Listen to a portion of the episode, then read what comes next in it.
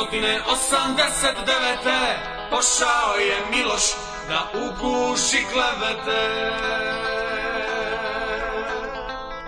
Lukav je bez mane, prevaro menja strane, za veru bez stida, Murat u glavu skida, ne kubi kad bije, kobilje mleko pije, u nebo šalje Murata i desiljada Turaka.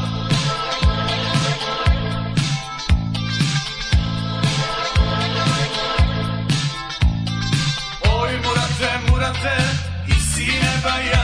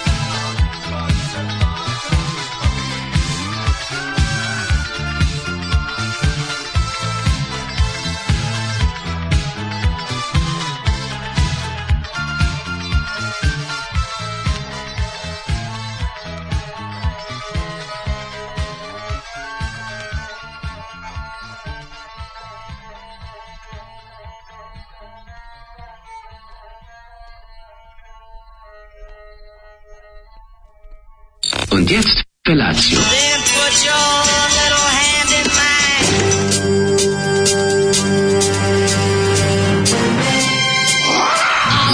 Grupa roznojenih mladića teči po studenom vazduhu pre zore. Alarm! A ima da kane, nema problema. Svakog radnog jutra, od 7 do 10. Hajde, Geri, jako se velda! Nema da prska, nema da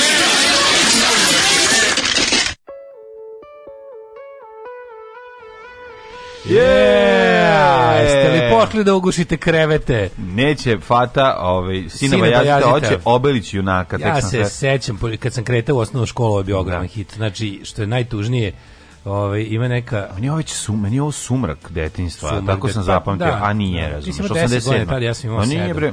Krećemo u osnovnu školu, ovo je hit, grupa Alisa, sa albuma, da li si čula pesmu Umornih slavuja, za koju se što i dan dan znam. Majko moja. Pita me mlađe, s kog dana albuma? kao, s kojeg albuma ona, ovaj, 1300, ja kažem, su, da li si čuo pesmu umrlih slova? Da, da što me zoli. Pogleda, pogledam, onako, zoli me, zoli odno ploču, što? nisam mogao da vidim. Ovaj, a sikno ti je bilo na samo ploču. Sakrio, omot sakrio je omot, znači da. neće da mi da da ja vidim. Mađe me onako pogleda, kao, da. me zajebao, kao, se stvarno tako zove album, to je prvo, prvo je to bilo u pogledu, drugo bilo, šta ako jeste stoga i treće, zašto to znaš? Da. I onda je hiljadu, opet... hiljadu pitanja, hiljadu pi, zašto malo, hiljadu. Bilo me sramota malo, onako teško. Hiljadu bilo. zašto, hiljadu zašto. Što izgledalo kao da, da se ceo da. život spremam da ti to kažem. da, da, da. Da, da, grupa Alice, njihov veliki hit album, o, to znači tu ima predivnih ovaj, predivnih još ovaj hitova.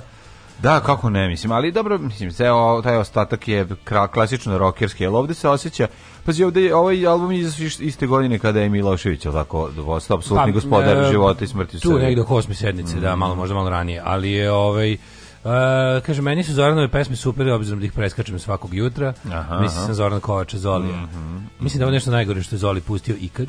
Zoli dobio PCR da pređe jarenje. To je bio na početak, ja tad, znaš, mi tad nismo znali, nisam ja tad znao da to ono kuvanje nacionalizma. Da, ko je, da to no. bilo kao ju, kao pesma, ono. Pazi, to je pre, to je dve godine to je, pre. Neko rekao klasična plavi orkestar pesma, je li tako? Da, muzički je to da, kao klasična muzički. plavi orkestar stvar, ali u stvari nismo mi znali. Da- stvari, da. nije to njima niko ni naredio, mislim. Ne, ne, ne, ima taj neki to moment. To su oni, to je ne, moment kad se kreće s tim žrtvingom ono i pa dobro, ali ima to kad kaže kao, neće on ovo, on hoće, znaš, ono, to je taj ono. A Srbi su bolje od ostalih. Živeli smrt, živela smrt, živeli na mrtvi, naši mrtvi su važniji od naših živih. Živela smrt i Srbi su bolje od ostalih. Da, dobro, da, da, mislim nisu loši drugi, al Srbi su bolji. Srbi su ipak jači. Da, da, da, da, da, nema. Kaže, molim vas, ova pesma nikad nije bila hit, bila je bila hit, bila je puštala se po radiju. Se po radiju Minimax je nju baš jako forsirao. Da. I onda je pevao, oj murate, murate, baš si sreće kurate. Da. I meni to bilo jako smešno.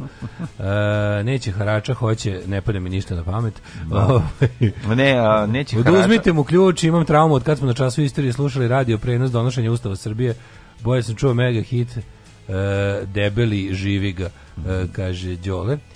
E, da, da je tekst normalno ovaj klasična plava orkestarska mhm, pesma. Mm -hmm, to je Ju, ovo je nešto najgore. Ju, koliki cringe što bi rekli mladi. Ne, Sjećam se ovog jada. Ovo je najveće splačeno. Ako Zoli pusti, onda je legit. Onda je legit. Imate neki disclaimer, bar nešto. Ovo je najveće splače na koji ste pustili, slušamo se od prvog dana. ovo je najgora pesma. Samo za vikino. Ako bi mogu da kažem koja je, ovaj, koja imenom i prezimenom najgora pesma ikada, mislim, mislio sam da će to biti Galija, ali nije. Alisa, da. 1389. Najgora pesma na svetu. Jeste. Oni, pogledaš sve oko zajedno, sve to je tako, koje to je jedno veliko sranje. Kaže, ovaj e, Zato što ja od grupe sam Zolikinu Zato što ja od nikad ništa nisam očekivao, ali se znala napraviti hit. Kaže, Razumeš šta hoću da ti kažem? Znam, zato je, zato je ovo veće sranje. Ali se napravila hej hej dečeče, ne ne ne ljubi me, onda su oni kod Znaš kome je najbolja stvar be, ova od Peska Kulegra. Od Peska Kulegra, ne, mogu da, da sanjam i da razmišljam. Super stvar bre. Ona, Oni su oni su bili kraljevi taj lik, oni su To je bile taj iz Alise. Da, bile. Oni, da, da. oni su bili kraljevi toga da, da bukvalno to je njih slušaj njihov album je bila teška amplituda. Kada da, tako hiči onda sledeće ono skidam košulju da legnem sa tobom koju volim. Pa dobro je, želeo bih da o imena naša. Da, kuli, kući kućica trošna vrata od pakla. Da, da, da, da, da. Ali kad kaže e, dva puta sam zaključio vrata da ne uđu dok smo goli. To je, mislim... A u taj ne znam za taj stih. Kako da Iz koje to pesma? košulju da legnem. Ko je to pesma? Sa tobom koju volim. A ti si... Dva put sam zaključao vrata. A jebi se bre. Da ne ona. uđu dok ja sam smo nikad nisam imao album. Ja nikad nisam imao album. Ja znam, ja bi ga neko, neko je imao album. Ne, ne, ja sam samo slušao ove mainstream stvari koje su bile kao ispotovi. Oh, I te su mi bile okej. Okay. Dobro jutro, drugari, mom sinu Mihajlo 11. rođendan. Jedna čestitka. Bravo Mihajlo, čestitamo 11. E, e, rođendan. Najbolji rođendan na svetu. Ja ću ti iz rođendan snimiti kasetu grupe Alisa. Najbolji rođendan na svetu. Sad na sreću ne znaš ni šta je kaseta, a kamoli šta je grupa Alisa. Uživaj, ne, neko je Ljudi su to neko je šerovo, Dead Kennedys, kao šta, ovaj. sve, šta vam je sve, čovjek stoji i drži sve u rukama ono što sad imaš u telefonu, jesi vidio to? E, jesi vidio to fotografiju na Facebooku, pokazat ću ti. Kako, šta je? A Dead Kennedys, kas, mislim, stranica šta? je šerovala, nebitno. ne, to, to nije, juhumen, to lažno. Da, da, nervira, da, ovi, da ovi, lažni, žuk, nije bitno, kažem ti gdje sam video. Vidio da kurac, oni znači. Pa ne, nego fa, smiješno što čovjek u rukama drži sve ono što sad imaš u telefonu, drži A, da, video, drži Walkman, drži ono, okrenuti sa 400 stvari ono oko sebe. Čega ti dale sve sećaš kad te tresne demencije, ćeš hit za buduće generacije. Mm. Kako se sve pomeša. No? Kakav cijalis, kakav jagre, samo kobilje mleko, fata i berina. Da, kobilje mleko mi te zanimljivo. To, to, to, taj, taj moment gde on kao krlja, kobilje mleko je ovaj, baš zanimljivo. Pa, kao i kobilić, znaš. Da, da, da, da, da. A dobro, ko mislim ja? E, kaže, slušaj, kobilje mleko ili nisu, to sam. A to se misli ba kao da su da ta kao dobra mleka za za za da za jaku krv se da piloma ga reći da. kobilje. Da, da, da, to je da, bog da. zna kako zdravo, znaš. Mm. E, Istine, radi istine moram da kažem, kontroler letenja Maradona nije kadar SNS. On je svoj zasluženi nadimak stekao još iz vremena pre osnivanja Srpske napredne stranke. Dobro, pošteno. Kaže naš, ovaj kako se zove kontroler letenja, dežurni. Pošteno, pošteno. Kaže, jebate Zoli, umalo da, zap, da spakujem knjige za četvrtak danas. E, pa onda ovako, gde ste kuro voditelji, drugi dan posjeti Tilburgu, danas pada kiša, pa prenos šaha na radiju. Mm. Trenutno igraju... E, Nigde Vezenko iz Ukrajine protiv pojm, pojmaninija iz Italije. Rezultat je D2 na G4. Da. E, kaže ovako, kako bi mogao da se s CPC-om? Ja kažem, ja mislim, pa ja ne znam proceduru, ali kad bi se pojavio u crkvene opštine ili tamo negde su crkvene knjige, mm. ovdje se kaže, dobar dan, žele bi od krštenicu ispisnicu, da želim da se izbrišem iz crkvenih knjiga, da se moje krštenje poništi. To je jednako Sigurno bi cool, bilo... kao cool ovim matorcima, kao mene baba odvela i tajno krstila da, u da, crkvi. Da, Kad, sad komunizma, vi sad sebe sad, javno odveli. Kad pa su svi, mene su javno odveli, samog sebe sam javno odveo i, i Ako vas se sakupi desetak, ja bi to snimao za dokumentarac. Zašto da vidimo kako je ko prošao upravo da napravio no, onako, to bi zvani otkrst. Da, otkrst. Da, e, to je bio dobar dokumentarac. Ako se skupi 10, idemo lepo tu gde ste kršteni, tu tražiš i otkrst ono. Ali odeš pitaš čisto da snimamo celu reakciju od toga, ovaj kako padu na nesvest. A neć pop ništa ti pričate, mm. ti kamaka. Ali ne, ti pritom kažeš ne želim da pređem ništa drugo, neću da naš ono oni smatraju se Ove, ovaj, ja ne znam da ne smatram recimo ti ako sad ne pojem pređeš neku drugu religiju da si se automatski članio iz prethodne, ali ti kažeš hoću zvanično da, da me ne da pređeš u stereofizitu. U stereofizitu, da. Mm -hmm. Kažeš hoću zvanično da, da kao što sam sad negde zaveden u vašim crkvenim knjigama, tako hoću da me se obriše. Mm -hmm. Ove, ovaj, um, Kako mogu da dođem do vas uh, u vezi potencijalnog angažmana? Dobro, sad ćemo da vidimo, šta ćemo, mm -hmm. nešto ćemo dobiti mlađe. Da, da se javim, ćemo dobiti dildu u dupe. Da se javim, ovaj, kako se zove, o, OZ da traži. Mm -hmm. uh, ja krivim Bobana Rajevića, prvo bi pomislio da ćete mi uredi za cevanicu i to sve lajući. Mm -hmm. Molim vas, Marijana Mićić, Čita Semper idem na Instagramu. Bravo. Da ga čita samo na Instagramu. Bravo, bravo. Marijana je ovaj kako se zovete, ja mislim da je da je blažena, da je u blaženom stanju. ja isto mislim. Svi smo mm počeli da se razočaravamo kad se na Segzi video ispostavi da na kraju nije kojinka. Mhm. Jesmo li za kolektivno posmatranje ili je to naše novo normalno? Daš pa, se što da, da pisuješ s kojinkom iz BG? E, ređi, ali da. Pre jedno 3-4 dana smo se dokucavali. Znaš Nešto je zanimljivo. Zanimljivo je to da zapravo e, tvoj um, posao čoveka koji vidi nešto što je, misliš da je kojinka jeste da, da dok gledaš da pogađaš. Da pogodiš pre pogodiš pre da li jeste ili nije i onda ovo dole sad da. veličinu to teško ćeš pogoditi, ali ajde. Ja mislim, Ove. Ovaj. ja volim da što da je lepše žena da veća kita. To, to, je, da, to, da, to je da. moje ovaj, bar neka to, moja želja. znači ja čovjek, znači ja sam čovjek koji perfekcionista. Znači, ja sam čovjek volim, da, volim nešto, nešto savršeno. Šta da vam kažem, ovaj, zdrav čovjek ima 1000 žena, bolestan ima samo jednu koja ima kurac. Koja mu sestra. Tako. A, ovaj um, kaže ovako, E, je juče rekla šta je bilo obezbeđenje, rekla da vaspitan si izbacili napolje. E, šta je bilo? Šta, šta ne znam, meni su rekao. Ja pošaljem sliku Nestorovića na community, a koja me napadne da ne šaljem svakakve gadosti u grupu. Mi smo slučajno, to jest greškom postali nacijom. Čekaj da kažem da. zaključim. Ovaj Ovo e, juče garam Da, da, juče smo čitali. Kaže, e, s, nagrađeni smo ozbiljnom državom Evo jebote, kako me nervira ovaj naš program za, za poruke, to je toliko A, bezobrazno. Dobro, pa ti onda bi ovaj, prvom, ne slažeš. U neverovatnim, okol, neverovatnim okolnostima 100 godina eh, pre tog stradanja imali smo šansu u obe Jugoslavije da se zacementiramo za bar još tri veka, niko ne može predvidjeti novi splet okolnosti, ali Milinović je više u pravu, jer kako sada stvari stoje, nećemo dočekati 22. vek, bar ne u ovoj formi. Mm -hmm. Ove, ovaj, um, kaže ovako, Kad uzimaju pravoslavnu veru, posle neke druge u crkvi se vrši obred krštenja i treba novi vernik da pljune na svoju prethodnu veru. e, crkva nije potpisala GDPR, pa nema obavezu da vaše podatke obriše iz svojih arhiva. Da. Mene jeste tatina baba uh, 1981. odvoli krstila tajno jer je mama uh, i ta strana bila komunista. Mm -hmm. Moja sestra koja radi u kontroli letenja kaže da ima više njih koji bi se mogli zvati Maradona. ja živim ulicu pored Jugo Diska i često sam vidio Alisa na vrhuncu slave kako čekaju 25-icu bus. Eto, to je slatko. Ja, to kaže, hoću ja da se da. otkrstim, turi me na spisak dale. Vidi, vidi, sakupio sam već četvoru. A eto, organizam Moj kum palaš jablana, polomio noge, dan pre zakazao krštenje i ostao nekršten. E. Ove, kaže, evo, Mila su recimo otkrstili. Da, on nešto on je, on baš on je ekskomuniciran. A to je drugo, da. Njega je mitropolija primorska zbog zbog zakona o imovini crkvenoj ga je Amfilohije rekao da ga izbacuje iz, izbacuje iz crkve. Da ga je da. anatemisao. Da, da, zapravo. Djedo, djedo te anatemisao. Da je ekskomunicirao i anatemisao. Djedo te Dobro jutro. Dobro jutro. Ej, slušaj, nešto ćemo slušamo. Slušamo Drive by Truckers, e, može. može. A to je ovaj novi bend novi koji ste otkrio, da, mi ga puštamo već godinama. Pa prvi prvo ne puštamo ga godinama, piše puštamo jednu pesmu, smo pustili tri, dva ili tri puta, Puštam tako da ja, to je ja jedna stvar, to je prva stvar, tako da nemoj srati, a slušamo Šta, pa Drive pa nisi, by Truckers. Nisi, nisi skontao da smo ih već puštali. Znao sam da smo ih slušali, nisam znao gde, jako smo ih retko slušali, a nisam ih otkrio ponovo, znam za taj bend, ali ovaj kako se slušamo, pa nije nego sa te kompilacije koje sam dobio od Junesa, ovaj. Na, jako je dobra stvar, slušaj, da, uživ, dobro, ja uživ. među prvima čuo.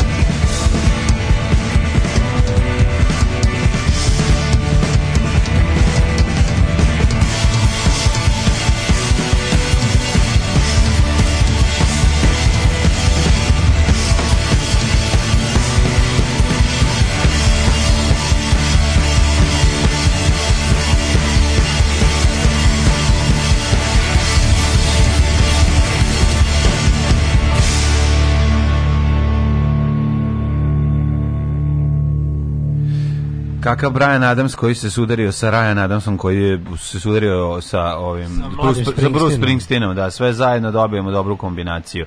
Uh, Drive by Tracker, super pesma. Dobra Planete već ima jednog Brusa Springsteena, ne treba nam još jedan. Ovo treba nam više Springsteena ako su dobri. Evo recimo, dobar Springsteen, kog, sam, kog mi je drug uh, Oscar otkrio, mm. gospodin Sam Fender iz uh, Springsteen of Newcastle. E, Mogu vam reći da je jako dobro. Nađite Sam Fender, imate ga na Deezeru i Spotify-u.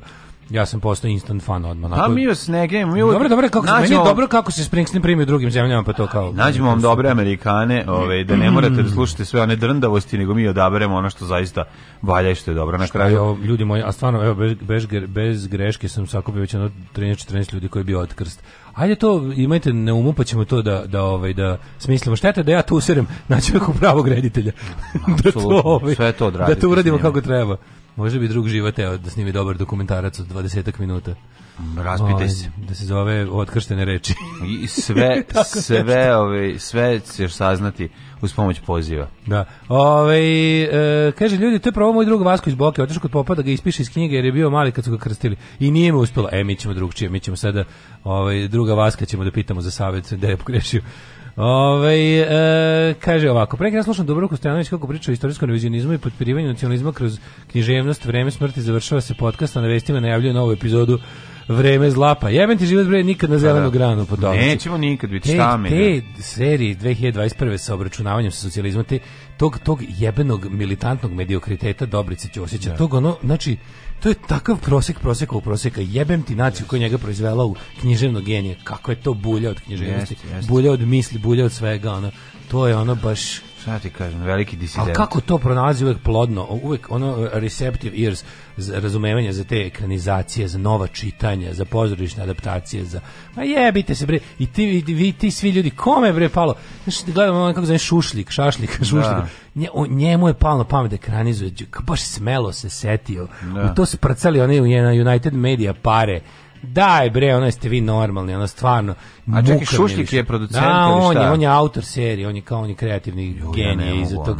Te, da. Škola, a tako, tako mi taj jeftini antikomunizam i taj jeftini, sve to kao, znaš, ono, deda, deda Dobricine, one kao zablude, da, kao, znaš, da, da ništa da, da, to ne valja. Kao, znaš. Ma nisam čak, čak, čak ni stigo dotle, pošto meni je ovaj Šušljik um, ne prija na ekranu, pa to ti je. Nakon štrači mi uvek, znaš, ima taj... Sve isto, isto preglum, pa nije, nego preglumljava. Da, preglumljavanje, ti da, glumte. To je taj bre, ona te, te uvek, uvek te... To je pozorišna gluma koja se treba... Nemoj mi prebacivati da, pozorišnu da, glumu da. na, na, na film, mislim, ne na seriju. Isto, isti glumci isto glume, bukvalno samo ja ne znam kako oni valjda samo po po, po dođe čovjek samo stavi drugu drugi onaj grafik odradi za seriju za špicu jebote. Mm, tu da. to je isto meni to je sve meni greh i njene majke ono gluma. A ne je baš sve ono. Au jeste, veruj mi. Znači sve je taj Dobro, meni... sve je taj šotra RTS ono. Da. Znaš te tako te se Mirjam, sve Mirjam.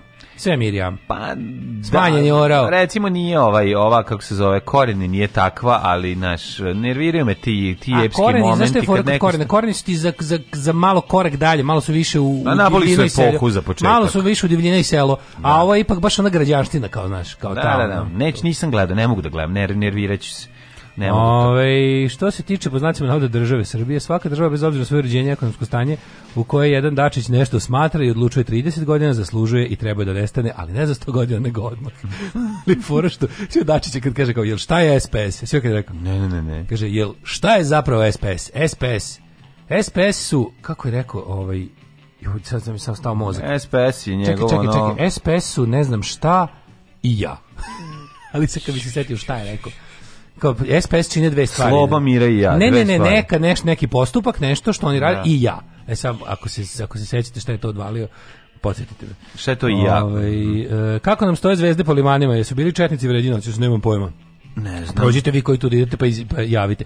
Ja sam oduševljen, ovaj, oduševljen sam oduševljenjem javnosti. Pa da, I pa da. maltene jednoglasno, znači ono od 100 komentara 93 su kao bravo, svaka čast ono. Pa naravno zašto su spizdali ljudi. Znači, to više znači, nema veze, kažem ti, to više. Ima neki utisak da se javlja, tako kad se desi neke stvari, tipa da pobeda na izborima za mesne pa- pa. Ljudi malo samo treba da pronađu tu istu hrabrost u sebi, a ne da čekaju ljude da noću nešto odrade. Tu hrabrost koja znači ono kao ljudi koji su to radili su isto ljudi koji vi, tako da, a, ono da. apsolutno takve stvari stvari mogu svi da urade. Samo se treba suditi. Se da ljudi... Samo se treba suditi. Naši neprijatelji se jednostavno više usuđuju da rade stvari. I onda jednostavno oni deluju kao ljudi koji više da, žele ne pobedu. državni projekat Pa neka je, razumeš, ono mogu ljudi ono, protiv toga. Protiv Naravno, samo ti kažem, oni se usude i oni krše zakon. Samo ih boli dupe. Razumeš tako da na njihovo usuđivanje treba i ljudi da se usude. Mm, da. Jednostavno ono kao zna to oni niko ništa od toga neće stati samo od sebe. Nikad u istoriji nijedan sileđija nije prestao mm, zato što se umorio. Mislim, stvo, može slomi ruku ako te bije, pa da kaže, e sad sad čekaj, nevi dan ću te šutati nogom dok me ne prođe ruka. Ali više nikad se ne vrati na ruku kad vidi da, da daje i nogom, da, da te da dozvolješ te da. i nogom gazi. Ove, samo ću reći, najsrećniji čovjek na svetu je trener Uniteda Norvežanin Ole. Čovjek pojma nema rezultata nigde, a otkaz nikako da padne. Kao da ga SNS doveo tamo. Ove, ovo se odlično rekao za oca nacije Kalemara iz Velike Drenove, Dobricu Ćosića. E, ja bre, jeste šušlike naš Gary Sinis. Bravo to. Da. Ja sam tražio kako se da. zove taj glumac. Ovaj u glavi Gary Sinis, jeste, jeste, jeste, jeste.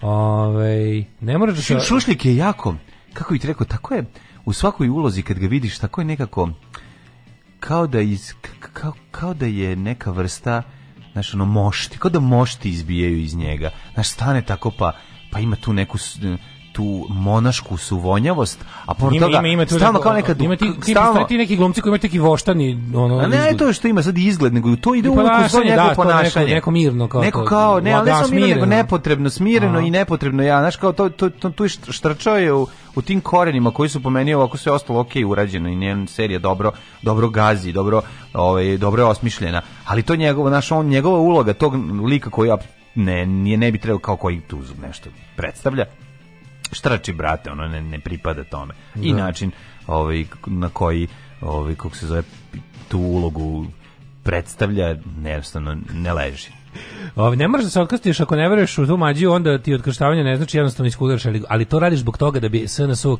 socijalnu moć. Znači, kad bi, kad bi, mas, kad bi bio masovni pokret izlaska iz religije, onda bi se vidjelo da tu nešto nije u redu. U Nemačkoj je to lako, zato što tamo plaćaš porez onoj crkvi kojoj, mm. kojoj si se odlučio. I znaš ti kako je frka u katoličkoj crkvi u nemačkom ogranku i uopšte svim crkvama smanjenje religioznosti koje se očitava da. u društvu ovako po anketama. Ali njih to konkretno finansijski boli, jer onda, onda oni, oni prihoduju od religioznog nikakvog poreza. Pa to može kod nas. Izvini, kad bi kod nas masovno ljudi, zamisli, zamisli da svi ljudi koji ovako osjećaju kažu, pojave se u crkvi i kažu dajte mi ispisnicu. Pa, to bi bilo, to bi bilo, prvo to bi se videlo. A ti znaš da takve organizacije i sve autoritarne organizacije se boje onog carjego efekta. Znači, da. dokle god, oni znaju da puno ljudi znaju da su oni full of shit, ali ne žele da onaj ko zna, zna i da drugi znaju. Da. E, kod ovakvih stvari postižeš taj efekat. Zato je važno kada, na primjer, zašto je važno da ne mrmljamo svi sebi u bradu kod kuće da, da nam je muka od Vučića? Važno je da to pokažemo u javnom prostoru, jer pod jedan, njega to boli, i pod dva, e, promena nastaje kada ja znam da ti znaš da ja znam da, da smo isto mišljenici. Um, da. kaže vama, doktor Kon liči na Ćaleta iz Alfa. Liči već. Da. da. Da, da, liči da. jako, pravo se. Nedavno je preminuo taj e, glumac. Da, on se zove Max Wright. Mm, je li tako? Mm, Max Wright? Da. O, mislim da je bilo. Moguće, da. Da, William Tanner u, u, ovoj u seriji. U seriji, da, da, da. Šušlik će da glubi Masija ili Masivo Šušlika, zavisi ko pre umre. šušlik bio okej okay u Huddersfieldu. Pa eto. A, verovatno mi se dopalo da je snimljeno uz renje u soliterima u kojem sam i ja živeo, pa kao da imam radnju filmu u dnevnoj sami. Dobri je Huddersfield, dobar film. Da. Zamišljam, kaže ženja, ja zamišljam kako se otkrštavam, a svi krišići se poređili u špalir da me da, da me pljuju i tuku. Da. Mene tatina mama vodila na krštenje kad sam bio mali, mama nije znala za to. Mm. Da. Jo, ljudi, snimak Bajdena kako pada. Kaže, ljudi, ja sam Ja ne znam. Ja mislim kako je krenulo Kamala će do 2023 biti predsjednica, to bi bilo Biće, dobro. što pre, A drugo, ovaj ja sam pa opet, opet dirao nekog. Ti čekaj, ti to nisi video. Nisam, ti ćeš umreti sve smeka, to više. Ja sam mislio, ja sam samo mislio kako ti oglašaš. Mlađu, to je goli pištolj jedan kroz jedan. On znači, je Frank Drebin. On je takav Leslie Nielsen. On Frank Drebin. Šta sad je pa da. učinio? Ma ništa, jo, tako, sve, svega, išu malo govi na nameštati nešto, neke sitnice na autu sređivajući. Dobio sam od naših drugara jedan kontingent ovih starih 80s e, prnja i stvari koje ćemo u, ubaciti u ovi, naš fungus pa pozorišni koji imamo, pa tamo da malo pojačamo. I tako, ove, išlo na snimanje državnog posla, pozdravili su te svi, on malo skrenuo tamo vamo i stigao čak i da čituckam knjigu uh, rock and roll u Vinkovcima. Tako da mi je da. dobro, bio jedan kvalitetan dan. Ja privodim kraju zgro ovu knjigu. A, bravo. Da, no, ovaj... Ti si ghost, ti si ghost čitač ja ghost knjige. čitač, da. Mm -hmm. Nisam nikom rekao, čitam. E, super mi je, znači, koliko mi, koliko mi je drago da je plano tiraš, da je došlo hiljadu komadica da se doštampava. Pa odlično, ja ću, to je pa, tako ja, dobro. ja se pripremam. Tako mi je znači, drago, ima se kako čita. Super je što, on piše kao da ga slušaš, znači ti pa niko ga da, znamo. Da, da, pa da. Znači, ono, ono, otvorim knjigu i čujem kako mi opriča ovo. Pa da, znači, tako bukvalno tako, znači, da, da, da. i to mi je super. Ono. Dobre, super, super, super, odlično. Jako mi je drago da je prodao ovaj prvi pa tiraž. Pre dve, uveče se vide ovoga bre, koji neko okačio na kamion tog Bajdena. Mislim, ja, se ne, ja, hm. ja još nisam našao potvrde to on, ali to, to je toliko Ko sad kad bi mi pokazao, ugušit ćeš. Ajde, ajde što pre. Ja sam ništa. Baš ste nas iznenadili svojim prisustvom danas ovde. Da, e, veliki, mogla bih reći, jedan od najvećih panova. Ovo posle smrti mog supruga, ovo je najveća radost za mene. Alarm! Alarm! Svakog radnog jutra od 7 do 10 sa mlađom i Daškom.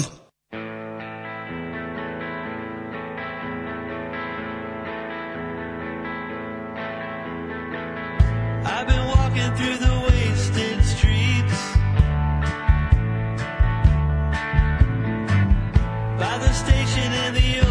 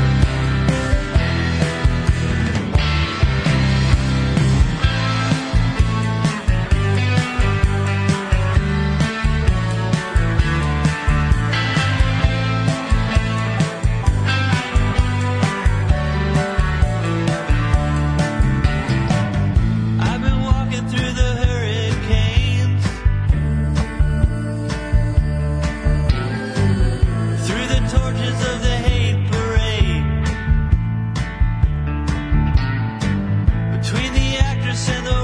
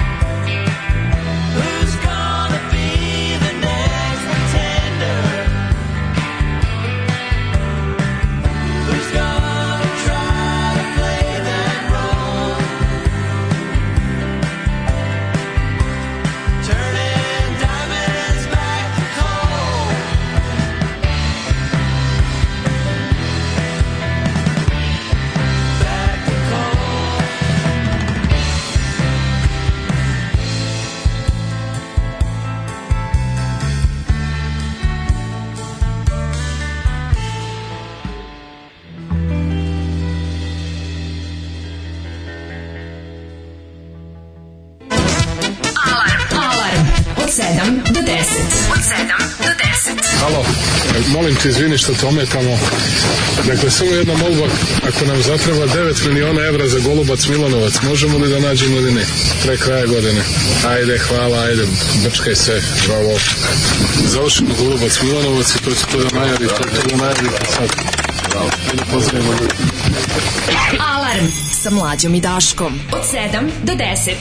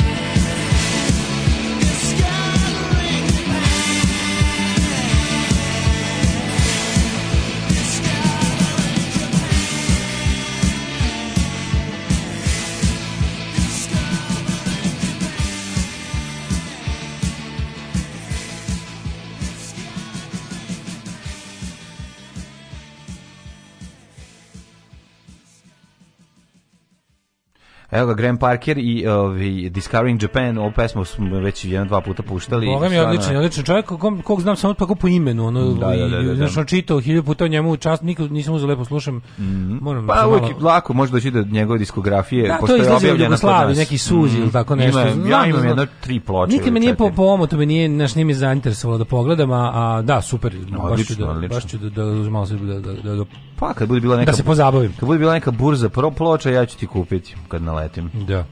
Ovaj um, što kažu mladi. A, a, a, Božić je Božić buće u prangije, česnicu baka sprema, a mene tamo nema. Mhm. Mi mu dođemo kao neka crkva, imamo starozavetne proruke sa epskim bradama, Karla i Fridriha, imamo novi zavet koji počinje sa spasiteljem kog je rodila Marija u zagradi Broz. imamo raj s kog smo istrali SFRJ i sada patnje dok čekamo da se vrati Walter. pa sve imamo, eto čoveče. Samo Cyber Instinct, samo Cyber Instinct ste pustili dva puta. Ove, mislim da ne mogu se vučiti, neko kaže izvini što te ometam, a da nije pasivno agresivan. Znam da ništa ne radiš. Da, da, da. da, da. Stavili su okićenu no, e, novogodišnju jelku u Maxi Aman. Stavili u Aman ili Aman, Aman staviste, ili si to ti izrekao Aman na ne, kraju? Ne, Aman misli na kraju, ne misli. Da, da, da. Ti nekad kupao u Amanu? Mm, nisam. Ja nisam nikad ono, u Jemen da odem. Ne, hoću da uzem u Aman, tamo ima da, ove. Da, nisam, nisam, mislim nisam. Na Limanu 4 bi Čekaj, jesam, jesam, jesam, Aman je tamo bio na čošku. Šta ima unutra? Jel ko Pa Dis, kakav je? Ja mislim da Aman, da, sam ja ušao neki što onaj Aman što je bio na Ćošku bulevara i ostalog sajma. nisam, tu sam ušao i delovo mi čak i onako malo onako le, lepo. Nije mi, ja sam uvijek zamišljao to neka kao jeftinija prodavnica. Pa i trebalo bi da bude u mojoj glavi. U mojoj da glavi, da.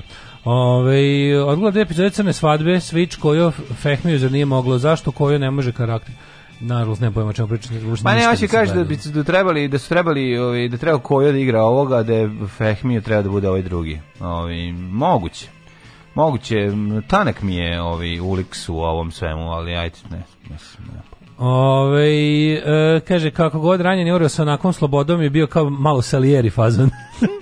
Malo Salieri fazan. Jako je bitno da se potencira na pisanju e, teista na popisu. Ja nisam bio kod kuće, pa je došao popisivač, pa sam popisan pravoslavcem i tako mm -hmm. Srbija ima 85% pravoslavnih, a Jugoslavena teista na svim popisima od, e, from, from the beginning of my life. Mm -hmm. I mhm. kanim to i ostati. Ove, oćemo mi mladene o, polako, Polako, polako. Požuri polako, idemo. Evo, putem ajmo. prošlosti. Idemo alejom sećanja, u prošlost davnu ti i ja. Ne mogu ne da sanjam i da ranjam.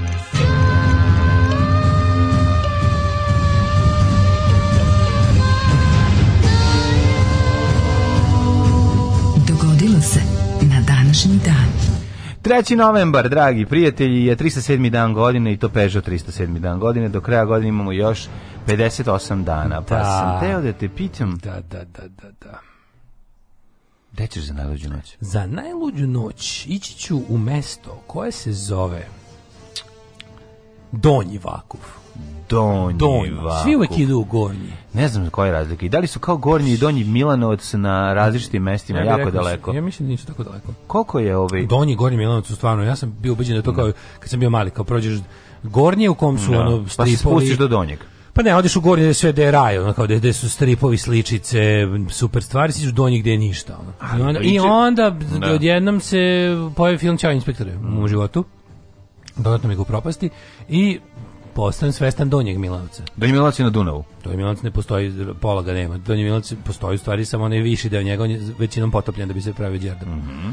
Ali je ovaj i super kad su ga ono jedno, za, jed, za sve ove godine su jednom ispuštali to jezero kad se pojavio taj Donji Milanovac. Kako dobro izgleda. Dobar horor film. O, dobar horor film. Mm -hmm ali ove Tako da ne znam, donji ovako figurni ovako koliko su blizu, mogu sada da bacim. A Gornji Milanovac je, gde se nalazi Gornji Milanovac? Pa, koliko u zapadnoj Srbiji, mislim koliko da su daleko? 200 km. Išao sam u Gornji Milanovac na Mislim da ima ono 200 km otprilike. Da, radi. E, čekaj da vidimo, sve ti kažem, da. do To je kao kad smo mi greškom otišli u pogresan Žigor u Francuskoj, a razlika između tog i tog je 300 km. Žigore. Da, jako zajedno. Evo, sad ti kažem, donji ovako po pa Boga mi čekaj, sam, mapa. Mm. Donji i mm. gornji. Pa ima 200 km. Nema, nema, ali ima, čekaj, Donji Vakuf, Donji Vakuf. A Vakuf, izvinjavam se. Da, tražim da. Vakuf baš. Aha, aha. Može sad zove drugačije. Može di je gornji jebote? Gledam sad di je. Do, donji, gornji. Jel u, u Republici Srpskoj ili je u Federaciji? Da, ili je federacija. federacija. Donji Vakuf je u Federaciji, samo što ja sam ne, ne, gornji. Aha, on je skoro kod Bugojna. Pa možda je Pupka Pupka. Bli, blizu nije Pupci Srpskoj, bli, blizu nije je Bugojna. Onda je bo, u Federaciji. Bilo je Bugojna. E, do, gornja, pa ima recimo, ja bih rekao da je očekin koja razmjera, na, koj, na koliko sam sad ovaj, na kojem je, pa im, nis, nije jako daleko, nisu kao Gornji Donji Milan. A koliko su, no, no. Pa rekao. Mi imali, da jedno, imali prič, imali da se iz Gornjeg Vakufa udala u Donji. I, i pa rekao da je jedno 50 km. A pa dobro, znači Tako, bude nešto. Ne, ne, ne vidim razmeru mape koliko sam... Prešla koliko sam, iz Gornjeg u Donji Vakuf, nije mnogo odmakla. Garant zezaju te što se iz gornjeg udala u donji vakuf. Bolje da. kad se iz donjeg pa, ja vakuf udeš da u gornji. Ili se oženiš iz donjeg vakufa u gornji. To je neka vrsta napretka. E, čekaj, evo ga 20 km. Pa ima recimo a, a, 60 km. 60 km, da, da. da. 50, 60. Dobro se da- rekao. Esencijalna, ovaj, vest je esencijalno važna tema u kojoj smo Jeste. ovog jutra Sad pričali. Sad znate, ako vas neko pita koliko je daleko, koliko je daleko do donjeg vakufa, vakuf. u ponoći da vas probude. Da super. Znaš da sam naj, znaš da sam uh, ponovo povratio svoju veliku veštinu brzog svoju čitanja veliku mape. Picu koju sam pojao. Veliku, da. Ovaj uh, sam povratio svoju veliku veštinu brzog čitanja mm -hmm. mape i snaženja gledajući Indija. Kako, kako sam učio dobro te vojne mape i te sve, znači to mi to, a stvarno, znači kad, kad buljimo, ono, on, on, zato ta, to je tako dobro, to je možda najbolja tekovina World War II in real time, mog da. gledanja, bar te serije. Kako je dobro, sam učio, čitam te kao vojne, te oznake, te snage, eh, znaš da on koristi one vojne sa onim da, oznakama, jačine snaga, mm. pravce prodiranja, brzo menjanje te razmere, kada povećava i smanjuje ono kao da ti pokaže, pogotovo sad kad radi Stalingrad, gde se ono, gde se, gde su ono razmere bukvalno znači imaš mapu kvarta preko celog ekrana pa gledaš gde je bila koja. Ma kočo Milinoviću kako se čita mape. Kako pa sam revo, ono Španski borac. A ja nisam išao u vojsku, ja moram preko YouTube da učim. inače vojsci, vojsci se uči čitanje mapa, ona. A učilo se jebote. Pa učilo se ranije verovatno. Znači, JNA imala onaj bre ozbiljan deo seljanja u učionici. Vi to niste imali verovatno. Ste uopšte imali seljanje u učionici? Jesmo. Jeste malo. Da.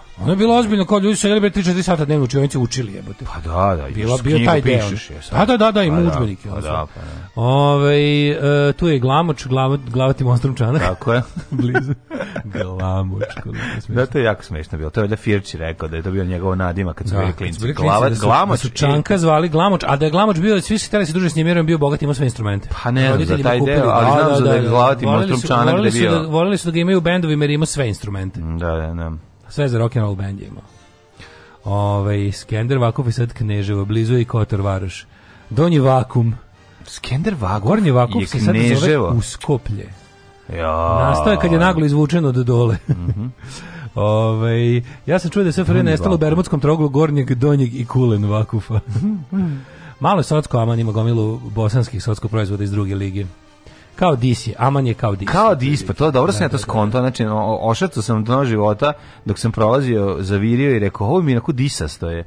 Evo ovaj, i upravo sam bio, hvala. Kaže, otkud ti u SNS headquarteru ka, kafe pauze? E, juče sam prvi put bio tamo, mogu reći, ovaj, jel jeste, konto sam da je, to, konto sam da, da sad taj pauze menja ovaj distrikt, distrikt je bio. Je ono? Pa to je neki kafić tamo na Ćošku bulevara i, i ovoga braća Ribnikar. Mada kad prođeš, pazi, taj kafić nema kraj. Ma znam koji je pauza, preko puta tamo Bicka debitsko sad stanuje, ali ono, gde je pub, kod puba? Preko puta. Da, da, da. da. da. Znači, taj kafi, taj, taj objekat ugostiteljski nema, ne, ne, srušen tu sad zgrada. Ne. Tu se pravi zgrada. Ja više nisam prolazio. Ali, pa o, da, nemaš, više nemaš gde da pokupiš. nema, mi, e- nemaš više last chance da pokupiš stariju mačkicu izlaske u, u 0.3 da vodiš kući Čekaj da ja da ne znam gde mi sad to da radimo. Pa ništa imaš oazu, tamo si te godine. A da, to, Možeš da stratiš u starički Midnight dom. pa da. A taj pauza, juče sam bio prvi put tamo. Čekaj, ali, to nije jedina pauza, ja moram, moram, moram napraviti. Mislim da bih se vratio tamo da jedem. Pauza prava je, ovaj, je ima jedna u, na nom naselju. I ogroman znak pauze gore stoji. Da. I za tamo. Fore sa ovim što je ovaj, ovaj kao kafić, uđeš unutra, nema kraja jebote. Da. I onda ideš tako 25 metara ideš kroz ugostinski objekat i dođeš do dela za ručavanje. I onda ima još jedna prostorija baš je onako daleko, ali da bi skoro da, si ušao u SNS toliko dugo. Išao da je, da je pravo nešto novo, nisam da šmale, duboko šmale, SNS. Uđeš u SNS. Duboko sam ušao u SNS. Da, cene su jako okej, okay. verovatno da ne bi zato što to na, da su SNS narodska partija, pa da bi narod lepo mogao da jede fine stvari. Uh, Aman je baš tužen i često je neuridan, disi za njih maksi. Jedni mm -hmm. razlog suđem tamo ponekad su turski slatkiši kojih nema nigde drugde. Moram ući onda da istražim. Aman je socijalnog generalova radnja. Da, da, da, da, da. General da. Store ili ti Generalova radnja, kako su naši kako su naši to dobro preveli. A ovo je General. Kako da, su? Dan su e da, ovaj idemo sa 644. Mhm, mm ajde. U Mekki ubijen drugi halifa Omer ibn El mm -hmm.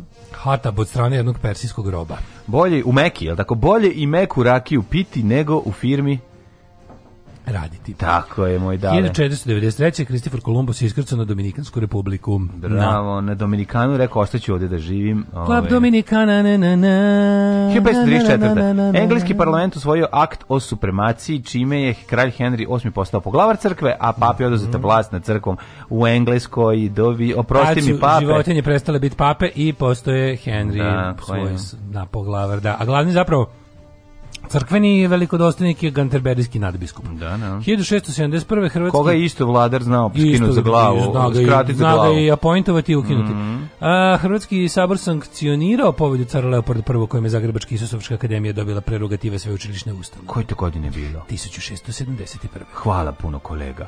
1812. Ruska vojska je porazila odstupnicu Napoleonova, Napoleonove, Napoleonove velike partije u bici kod, izvinjam se, Napoleonove velike armije u bici kod Vjazme. Ču čuvena bitka kod Vijazme, nego da li znaš ovaj čuveni hit kad je tad nastave odstupnica, odstupnica, bana bona parte, a patrole, a patrole njegovih i tako dalje i tako dalje. Kutuzova, Kutuzova. Ruska vojska, znaš nešto u bici kod Vijazme? Šta je da, najveća da, karakteristika? Ja to Šta je, je neći, profesor da vidite. Po čemu je najvažnije? Bitka kod Vijazme, čuvena bitka kod Vijazme. Um, kao što ste sami rekli 1812. Da e, između snaga Napoleona i da. carske Rusije. Da, da. E, čuvena naravno po tome što je ne znam ko je pobedio. Ove, ovaj, čuvena po tome što znači za to doba e, zaista ovaj snage koje su se skupile da ovaj odratuju da kažem to jedno po, jedno popodne da odratuju je odlično da malo eto odratujemo. Ajde malo da odratujemo tu nešto, pa ćemo vidjeti. Sve kada pokaže si potpuni mental. 1839. britanske fregate su kod kantona potopilo nekoliko kineskih džunki, mm tim pod kantona, umali sam pročito. Mm -hmm. Time je počeo prvi opijumski rat protiv mm -hmm. Kine. Mhm. Koji dašim potpisivanjem ja, opijumski rat zamišljam kao svi odvaljeni i Jure Zmaja. Veoma u Pekingu, veoma, po veoma nepovoljnim uslovima za Kinu, naravno. Bitka kod Montane 1860. Oh, ovo je verovatno... Sprejevi, low pressure i high pressure. American, uh, građanski rat, ili jeste? Yes, they mm -hmm. does. 1800, tako zvuči. Mm Montana jeste. 1800 savezna država. 1883. ugušena Timočka buna. U Zaječarskom okrugu mesec naranje počeo. To je ovaj, čuvena ovaj, odluka da se oduzme puške narodu. Mm -hmm. Da se razni livori, džeferdari i ostale, mm -hmm. da mhm. kažem, tanđere i ostalo oduzme od naroda, narod ima imati da u kući. Da se ustanici malo razoružaju. Ajde, narod nije mm -hmm. baš dugo imao pušku, to je nekih, tek, tek stotina godina su navikli na pušku mhm. i hteli su da je, ovaj, kako se zove, nekako su se osjećali bezbednim kad je Prvo, Tuška, Tuška. Tuška, Tuška je... Puška je čuvala kuću i od Turčina, a čuvaće vala i od narođene vlasti, tako su pa, kontali ljudi. Kaže, ako su u predsoblju pojavi Puška, u, u, u, da ovaj, će, može... U spavaću sobi će upaviti. U sobi može puknuti, da. da. Ove, ovaj, tu je fora što su o, Narodna radikalna stranka stala iza ustanka politički, to mm -hmm. u vreme kad su oni bili neka vrsta je onako narodnjački skoro pa socijalističke organizacije. Pa boga mi, ovo, to je bila bežanija. Onda su, ali posle ja morali da, da beže. Mislim da je Nikola Pašić bežao u Rusiju. Malo, da, tako, da, da, pobegli su svi posle sloma, da, on je, posle sloma Buna. On je, zbog pritiska Rusija, mislim da je on onaj, na kraju pomilovan. Inače, bio ono, nešto i osuđen u odsustvu. Pobegao van zemlje, on i bio je dugo, 3-4 godine, mislim, bio napad. Mm. 903. Panama s podršku SAD koje su poslali u Panamske vode krstaricu Nešvil proglasila nezavisnost od Kolumbije. 1912. zaključeno primjer je u Prvom Balkanskom ratu ratom. 1918. predsednici Austro-Ugrske vojske potpisali u Padovi kapitulaciju u Prostatskom ratu što je bio poslednji državni akt 700-godišnje Habsburgske monarhije. Tako je, doviđenje triatlon. Act. 1918. pobedom mornara nemačke carske mornarice u e, Kilu počela je nemačka revolucija. Da, koja nije ovaj dovela do stvaranja sovjetske nemačke, ali je da. Ovaj 1918. Poljska proglasila nezavisnost od Rusije. Mhm. Mm 1946. Nemam ništa u vremenu. Znači da Šibenik oslobođen u narodno-slobodilačkoj borbi. Neka je. Uh, 46. Hirohito odrekao se izjavom preko radija božanskih atributa. Kako je to dobro?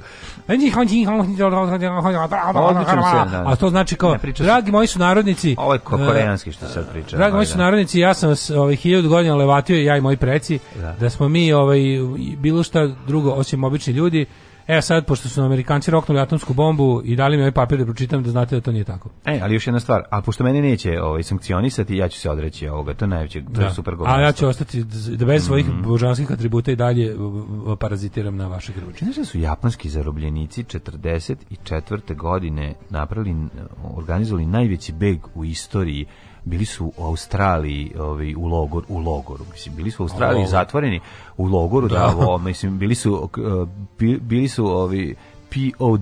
Da, da I, ovi, I krenuli su u, u najveći organizovani. Pazi, Japancima je bilo sramotno. Oni su, kada su, kada su pohvatani, ovi, kada su zarobljeni, pošto je bilo sramota biti zarobljen, ti si kao po da. kodeksu, da. si treba da pogineš. Dve, ako se zarobiš, dve vojske u kojima e, je gore bilo biti zarobljena crvena armija i japanska vojska. Znači ako te zarobe da. u, u ali mm, ne gore, pa, pa, pazi, tebi je bilo katastrofa zato što ako te zarobe, a ne, Nemci streljaće te, mislim odmah, to se znao i bilo je obostrano. Ali ono što je bilo strašno u, kod Japanaca što su Japanci nisu imali zapravo grozne uslove života, bilo im eh, po, po, svede, po svedočenjima u tom logoru, u ne znam, bili su pet cigara dnevno, bilo je, kao oni su govorili kao njima tamo bilo je jako japanski logori su nešto najgore. Ma da, pa japanski naravno. govorim, govorim, australijske, zapadnjačke e, logore, za, logore za, japanci koji, koji ja, u Australiji. Ne, ne, Ja kažem, japanci su se žestoko življavali na tvojim zarobljenicima. I onda, ali je bilo sramota e, i brinuli su se za porodicu da pa ne padne sramota i ljaga na ime da ti je zarobljen i onda su da. lagali svoje imena kad su ih upisivali tamo. Da. Svi su govorili druga imena, a organizovali su um, njih 1100 ili 1200 krenulo u beg. Proboj, ono. Proboj, to je kao bilo ono kao moramo, si, moramo kao časno pobjeći. Da, poginuti da, u toj bici. Da, da, da, napravili su bejsbol palic, pa oni su tamo i radili. Oni su sebi napravili nekih, ne znam, 200 bejsbol palica koje su uzeli i organizovali ih krenuli u Juriš. I onda naravno tu se izrokali. Jako bilo onih puno normalnih koji nisu smeli da kažu ovima da neće da jure, nego su lažno jurišali, a ovi najveći debosi koji su bili ono baš posvećeni njih su machine gun. Ali što najbolje kaže, njima su ovi pucali iznad glava, ovi svedoči da ovi čak nisu teli ni da, da pucaju. To je bilo ono na kraju tek pos... Znaš kad je Da, na da, kraju je, da, nije, od tih hiljadu lupom 200 je ubijeno u tom proboju, ovi svi da. ostali ljudi su na kraju nastavili da žive u, u Japanu 46. Pa da. pušteni o, da. i da. ono Ovaj, ali su ali, ali teško, su bili od težak život, zapadni, zapadni oni su znali da njima ako se vrate da njima nema sreće. U stvari nisu znali. pa da nisu znali da Japan izgubiti, mislim. Prvo što nisu znali to, drugo što su se plašili šta će se desiti s familijom. Pa Znaš, pa ako si, ako si izdajnik, ona Grbusić. Tako da to je jedna jako interesantna priča. Mislim da čak ima film, da li dokumentarni ili tako nešto, ili sad snima, ali je ovaj, jako interesantno o, o tome kako je ovaj, izgledalo. Ne, Stalin morao do, do, do, recimo do Stalingrada je bila, u Crvenoj armiji je bila jedna atmosfera, od mhm. Stalingrada je bila druga. Mm. Ovo je shvatio, mislim, ovo je zapravo staljanje u pola stalingradske kampanje. Mm. Shvatio je da ne može samo da ide na to da onako, ne možeš da imaš vojsku koja te se plaši. Ma, da. Znači, onako, u jednom trenutku neprijatelj ponudi nešto bolje tom tvom isprepadanom vojniku, on će potići kod neprijatelja. Da, to nudili non stop. Da, a znači, ovi preko razglasa. I oni mislim, da, pa da, da, nacisti lagali naravno. Da, da, da. Nacisti su lagali, ovi su bili kod onog kao idem tamo sve. da ono otprilike da. probam sve. Ovde me sigurno čeka sa streljanje, ako se okrenem tamo možda. Mislim ne znam da ga i tamo čeka streljanje, da, ali ovi mu bar ne kažu će ga. Da, da, da, da. Imaš jedne strane Nemce koji te lažu da hoće da te slobode od boljševizma i judeo ne znam kakve jude o mongolske diktature. A se prave sebi zapravo ono etnički čist ovog lika koji on ti obećao sigurno će te ubiti ako se okreneš ono. I onda e, isto isto je bila i e, ta Staljinova doktrina o partizanskom ratovanju, tamo gdje su ovi potpali, gdje su ono kao ostale jedinice da deluju partizanski u, za, u područjima koje su Nisu pali. Nisu nekog najvećeg partizana njihovog, kako se zvao, čekaj. Komandantskih ja, partizanskih odreda, zaboravio sam ja kako se zove čovjek, ali to je da, on je najveći. Ta je, ono, taj lik je on nešto prelazio 2000 km dnevno. Ne, ne, ne, naravno da su imali sposobno, sovjetski da, partizani, da. za razliku od jugoslovenskih partizana, su bili, uh, imali profesionalne, imali profesionalne vojnike, oni su bili delovi, oni su bili zapravo diverzantski odredi crvene armije, stay behind. Pa, ali kad je palo. To, da, da, ne to, samo nisu bili to. partijska obična da, ono da, vojska seljaka i radnika kao naši partizani gde je svaki 10 imao neko vojno iskustvo mm. i to mm. kraljevske vojske koja se nije baš mogla mm, podičiti ne znam kakvim ono e, strateško taktičkim a dobro uspesima. Ali značilo na Ako imaš neku ali, obuku, imaš obuku. Kažem Znaš bolje, da zalegneš Kažem kuci. bolje išta nego ništa. Dok ovdje je bilo fora što Stalin ti direktiva partizanskog ratovanja bila bilo potpuno zanemarivanje civilnog stanovništva do neke tamo 42. Kad su videli da se zapravo da zapravo imaju problem da rade bilo šta jer se narod ono nije ne sarađuje. Onda bi ovaj rekao izvinite kao sad moramo menjamo doktrinu. Sada je primarna direktiva partizanskih boraca iza neprijateljskih u okupiranim teritorijama je zapravo zaštita našeg naroda morate tako delovati. I onda, onda time je omasovio partizanske jedinice deset puta. Da. Jer je ogolio nemački teror s jedne strane, a s druge strane su ono, stanovnici počeli partizanima zaista da vide spasioce. Do tad su vidjeli ono likove koji ih isto guraju u, u ono kao Nemcima na bajonet. Da, ono da, da, da, tako da i ove isto mora da promeni. Tako da crvena armija recimo, a dobro, to, i tamo, tamo to se poklapa s time da ovi kreću da nižu neke značajnije uspjehe mm. konačno. I onda do kraja rata ide malo tala bavija priča o tome da ono kao, naš, ajde kao ratu za ovu zemlju jer te ta zemlja voli jebote, a ne samo te šamara onda. Tako je. Ove, 1957. Mm -hmm. SSR lansirao veštački satelit Sputnik 2 sa psom lajkom u njemu. Tako Me, je. Mogu menjati ni lajku, znam kako, kako sirota kuče. Osta lajka u drugom stanju, što bi rekli letri. Da, da, da, da. Vidi kuće medeno pravo, ona džukat sa da. ulici. Njega su valjda oni s moskovskih ulica, tako? To je ono kuče koju u Lutalica. Pa ne znam. Ja mislim da jeste, to baš ono da su ga baš sa ulice pokupili. To Lajka je preminula, je li tako? Lajka je izgorela, da, izgorela. u ovome, da. Ali vidi, ona ne zna da je šalju duša, mama, da, kako da, da. meni to tužno. Jeste, jeste. To je škenj, tako teški, tužno. Škenj. 1956. Velika Britanija i Francuska prihvatili su prekid vatre na Bliskom istoku uz uslov da u području Svetskog kanala budu poslate mirovne snage Ujedinjenih nacija. 61. U tant, e, u tant izabran generalnog sekretara jednih nacija nakon pogibije Daga Hammershelda. Čekaj, to onaj uh, ovi, Šveđanin Norvežan. koji je... Ne, Norvež... ne, Tigveli je bio Norvežan. Aha, ovaj, aha. Ovaj, ne, ne, šta, deo je pogibio, to pao avion, tako nešto. 64. za predsjednika SAD izabran Lyndon Johnson.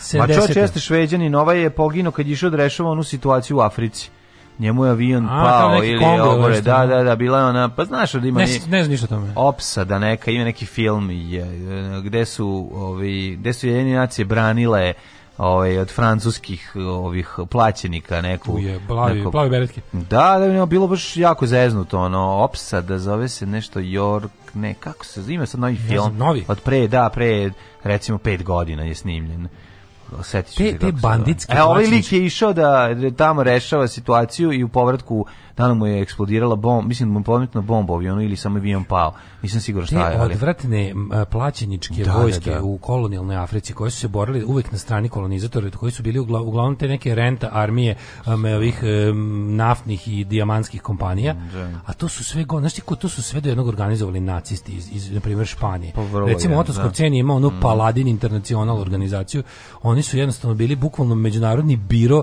gde su zapadne kompanije govnarske uh, naftne i to ti kao rudnici zlata i dijamanata su bukvalno imali na raspolaganju te pse rata od kojih su mnogi bili SS-ovci, mnogi su bili razni. Tu su tu su se pa znaš ono jebi ga Wild Geese, onaj film, da, da film da, našeg djetinjstva.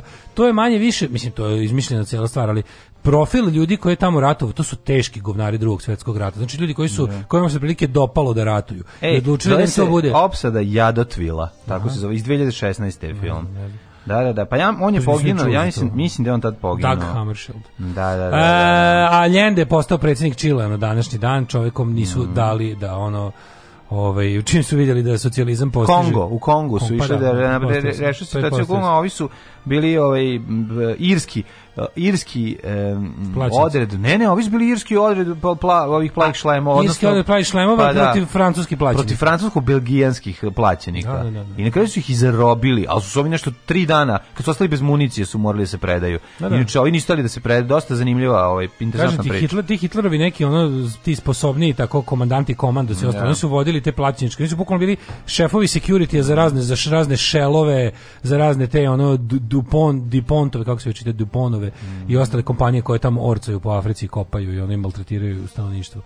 A Salvador Allende postao predsjednik Čila, naravno nisu mu dali mhm. da socijalistički ovaj razvija zemlju nego su organizovali državni udar i mhm. ono umesto njega doveli fašiste 71. Eh, nakon rimskog glasovanja vrh katoličke crkve svećenički celibat ostao na snazi, pa oni su glasali 71. da se slučajno nije Bog javio s nekim novim instrukcijama. Znači popovi punih jaja otečeni koji su uzmano, izvini papo, mhm. jel bilo poziva od gore, ja ne mogu više, ono. 76. Jim Carter postao predsjednik Sjemeničkih država, 78. Amerikanska republika dobila nezavisnost, da. 91. tek imam. 91. Hrvatske da. paravojne formacije protrala stanovništvo razorila 18 srpskih sela na području zapadne Slavonije. Mm -hmm. Čisto se zna da nije ni druga strana sedela skršnih ruku, dok je da, da. Novosadski korpus orcao tamo i je, palio tako. Vukovar. 92. Trudili su se, trudi, kako bi rekao, kako sa ove strane dolazio. Ostvarni je minimum rata. da, minimum da malo, da poratuju malo. Mm -hmm. uh, 92. kandidat e, demokratske stranke William Jefferson Bill e, Clinton, izabran mm -hmm. za predsjednika. 2002. Na parlamentarnim izborima pobedila Turska partija pravde i razvoja. Bokte, te jebo, Erdogan jaši tu zemlju 19 godina. Da, da, 2004. Da. George Bush postao predsjednik. Ali što je najluđe, pazi, on kad je pobedio na tim prvim izborima, ja se dobro sećam toga, početak 21. veka u Turskoj, njega je ustavni sud i razne te, kad, je to, kad on to još nije razmontirao, njemu su i on je imao razne ograničenja na svoje, pa su mu sporavali mandat, pa je bio optužen faktički za narušavanje kemalističkih postulata uh, kako se vlada Turskom, pa preveliki islamista bio, pa preveliki neoosmanlija je bio i na kraju jevi ga malo po malo ta, Vučićevom politikom nezameranja gazdama napolju, tipa Turska u NATO bezbedna, ne diram ništa po tom pitanju, NATO je NATO, a unutra mi dajte da ono muzeje ponovo pretvorimo u aktivne da, džamije. Da, da, nema problema, šta ćeš raditi? Šta ćeš raditi? Pa to se, i to je danas. Šta ćeš raditi unutar svoje zemlje dok ovaj ispunjavaš Tako. dogovor uh, vani? zabole nas. 2010. Da. da. jak zemetre su Kraljevu 5,6 Richtera da. život izgubilo dvoje ljudi. Znači, ne zanima ih da divna, unutrašnje, divna zanima ih samo spoljna Kina. Naravno. Spoljna Kina samo divna, divna, divna godišnjica jutro su u noći su Kragujevcu bio zemetri. Ali bio je dosta se treslo, ali nije nema neke veće štete i nema nema nikakvih koliko koliko se javlju nema nema povređenih. Dobro je majko. Kragujevac 3,6 Richtera. Alarm. COVID-19 je jedna vrsta veoma nezavisnog e, virusa, snalažljivog i adaptibilnog. I on spada u takozvane vanzemljane parazite koji dolaze iz kvazara. A kvazari su, znači, da tako kažem, astro organizacije svakog radnog jutra od 7 do 10. Alarm. Alarm.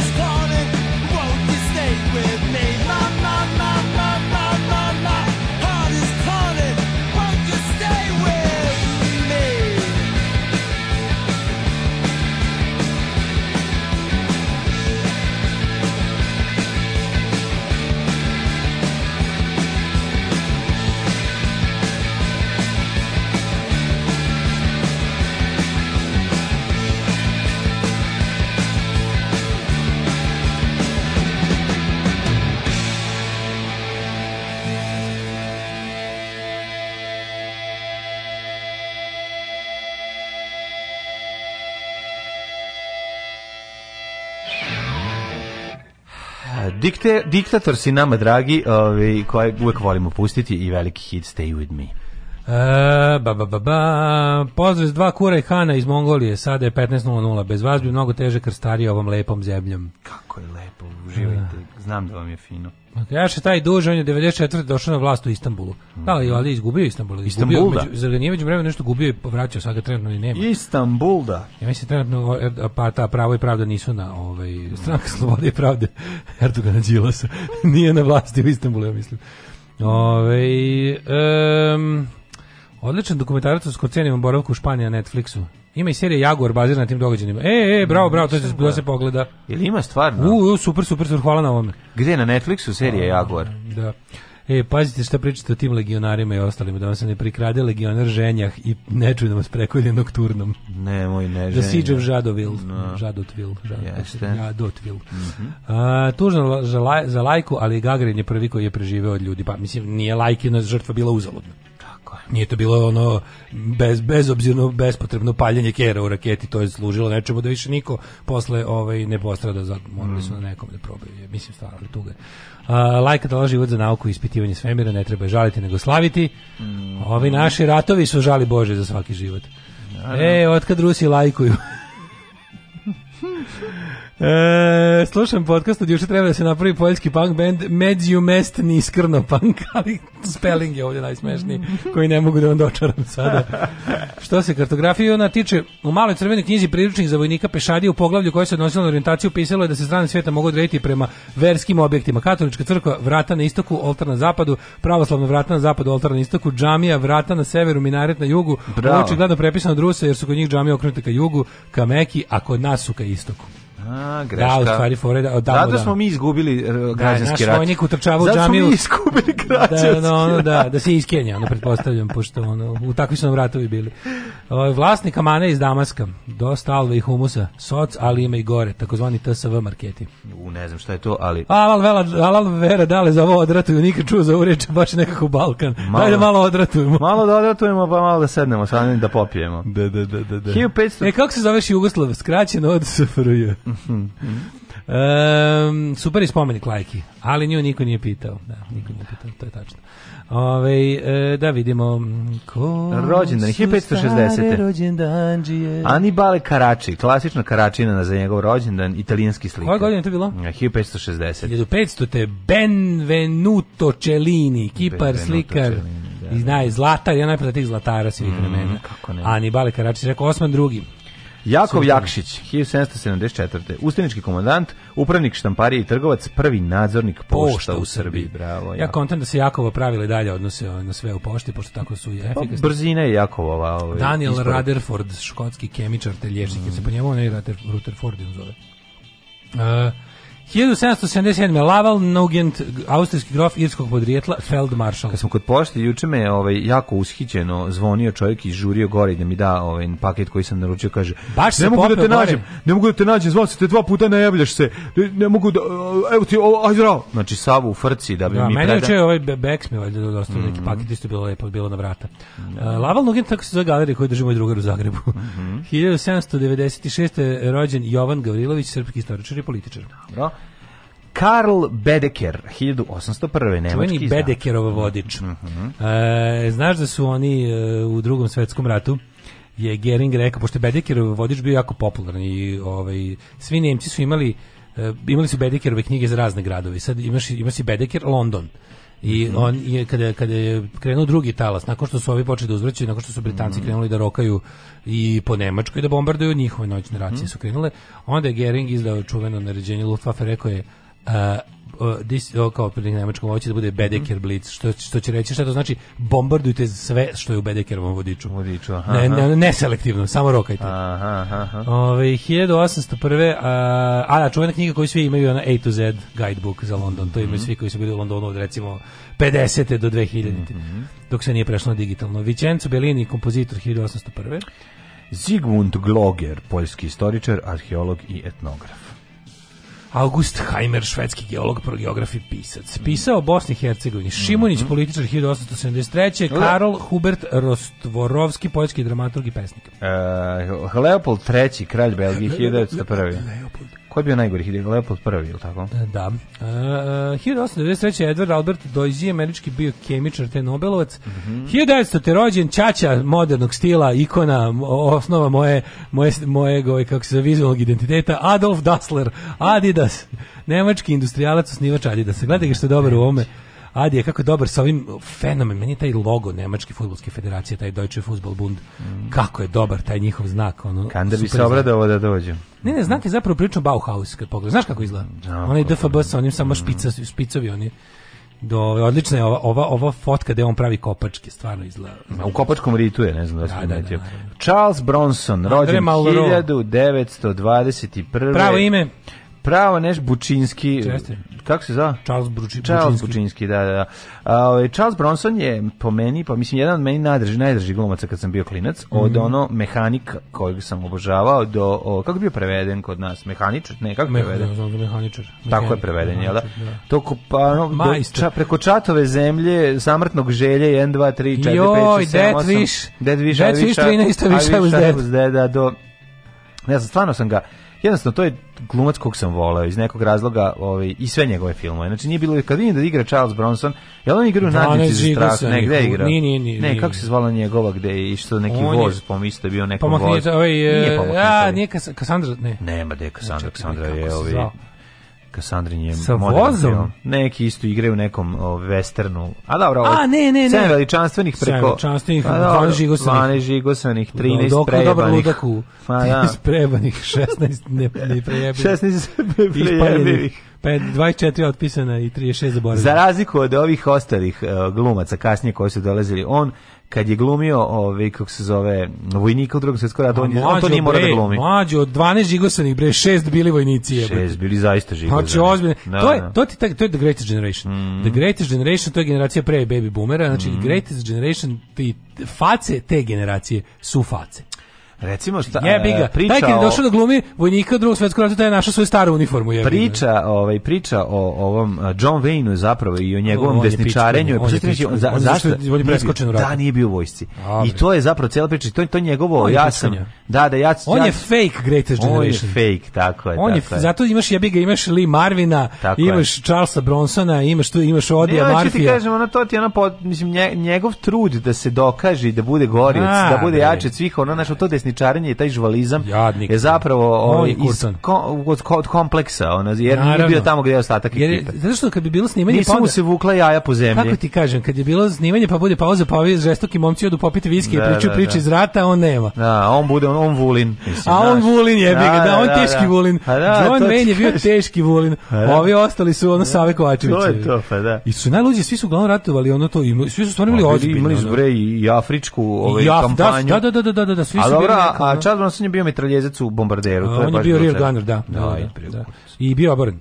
Bio oboren. Kako, kako ne? a, on je bio oboren. A, Ali izaš iz aviona i počeo da ih kolje zubima i u samošnji željin šest. Mel Gibson je. On je bio... Mel Gibson, Mel Gibson? Ne mislim. Mel, Brooks, Brooks. Mel, Gibson, Mel Brooks, je, Mel Brooks, je, Mel da. Brooks je bio isto taj... On je bio reconnaissance fotografer u isto mm. u Kupoli Mm. I pali, spazi, on, on je jevrein, on je pao i zarobljen je i prošao je ovaj, da... Logor. Bio je blizu kraja rata. I uspili su Nemačka kapitulirala u trenutku kad su njega trebali da ga prebaci valjda pričao je da je pao jer Lupiću sad negde tamo iznad ono u bitvi u Ardenima, a i brzo su ih transportovali da idu valjda do Dresden da tamo. Da, da ih spava. Ono što je Kurt Vonnegut mhm. doživeo, mm -hmm. ono kad je bilo oni su bili za ratni zarobljenici koji su raščišćavali posle mm -hmm. ovog firebombinga. Mm -hmm. I to je trebalo slično, međutim ovdje se desilo da taj da su napredovali dobro pa je se stvorila neka slobodna teritorija između te da dve i ovi nisu pobegli su ovi kapitul ono kao ta Tad tu, da tu gde su oni zarobljeni i oslobođeno. Aha, I taj tu taj dej garnizon koji njih drži njih mora posle da, da je pusti, a najluđe od svega što je Mel, Mel Brooks pričao kako on je bio jedan od četiri braće. Svi su bili u ratu, trojica su zarobljeni, svi se vratili kući. To je potpuno I kaže ono kao njenog njegovog kevu bilo malo sramota od ostalih kevi u kvartu koji su imali da. po jednog sina koji bi poginuo da. kojima je stizao ono crni telegram. A, Ova ono znači, četiri, dočeta, četiri pustila u rat, četiri došla kući. Ove, ovaj, e, to su obrnuti spasavanje redova da, jajana. Buk, bukvalno, mm. da. Mhm. 27. rođen Zbignjev Hubert Cibulski, poljski mm filmski pozorišni glumac, Zvonko Simonović, reditelj RTS-a 30. godišta. 31. Monika Viti. predivna Monika Viti, ovaj, mhm. poznata po tome što je igrala Modesty Blaze, jedna od najlepših žena na svijetu. Peter Jeremy William Higgins, engleski glumac, 33. Mm godište, Jelena, Jelena Žigon, Žigon jedna od najlepa Jelena Žigon, majko. Terence McNally, pisac 39. Mm -hmm. Uh, e, Dolph Lundgren. Rozana Bar, 52. Znaš ti da je Dolph Lundgren pri tome i ono 57. Pa to da, 57. ovdje piše kod mene. Znaš ti da je on, ovaj, kako se zove, inženjer hemije, mm. da, da diplomirani. I to znači, dobro, mislim da je mhm. magistar hemije, tako pa nešto. Jeste, imate napegla i da te nauči. Jeste, jeste. I sad smo rekli evropski prvak u karateu mm. i to, i himen. Mm. Ivica Pašalić, političar, rođen 60. godine. Zdravko Ponoš. Mhm. Evo ga, čak, čak, moram pričati po, Ponoš. Znači, Ponoš je već dobio lopatu govana za vratom, Na samu mogućnost da se kandiduje. Pa naravno. Znači, kao bilo je otprilike, da li bi možda mogao mogao da bude kandidat, već su, znači bukvalno mm. preventivno, od ludaka na vrhu do poslednjeg ono kolumniste u tim ono, režimskim tabloidima. I na, na, na klik je bilo onako, samo su izdali kao protokol 7, džk, mm. znaš da. ono, go, go full Perišić on him. Mm, Znaš, bit će ono, imao je igračku aviona koju je zakopavao i Kenjo preko. To će ti na kraju s drugi ne bi Full igrali. Perišić izvedite na njime. Da. A, e, na današnji dan rođen je Aca Lukas. Mm -hmm. 71. Joško Lokas, hrvatski TV voditelj, mm, Kešolovac. E, e, to je on, jel tako? Um. Dwight York, futbaler iz Trinida i Tobaga, pa ona... Srđan Srdi 77. Ja romanopisac. Nisam čuo. Umrli je na današnji dan mhm. Konstancije mm -hmm. drugi, Vladislav treći Lakonogi. Karlo Boromejski, italijanski svetac i kardinal 1584. Andrzej Adamić, Batori, slovenski kompozitor. da, Thomas Abt, nemački filozof umro 1766. Mhm. George Trakl, a Georg stvar, Georg mhm. Taković mm -hmm. će prebiti. Aleksandar Lapunov, Dedjuško, ruski glumac. I... Na današnji dan umre Svetozar Pisarević, pevač 1929. Andri Matis, slikar 54. Wilhelm Reich, psihijatar čuveni 69. Da ga se čita masom psihologija fašizma. Petar II. Karadžorđević, treći i poslednji kralj e, Jugoslavije, 1970. umro. Mm -hmm. Edward Kocbek, e, ja se njega plašim, znam mm -hmm. u sliku. Onda ovaj, Ernst Gombrich, e, istoričar umetnosti 2001. I uh, Toni Kljaković 2007. Čujte, ja sviram harmoniku. E baš će ti to glavu spasiti. Gubi se tamo. Alarm sa mlađom i Daškom.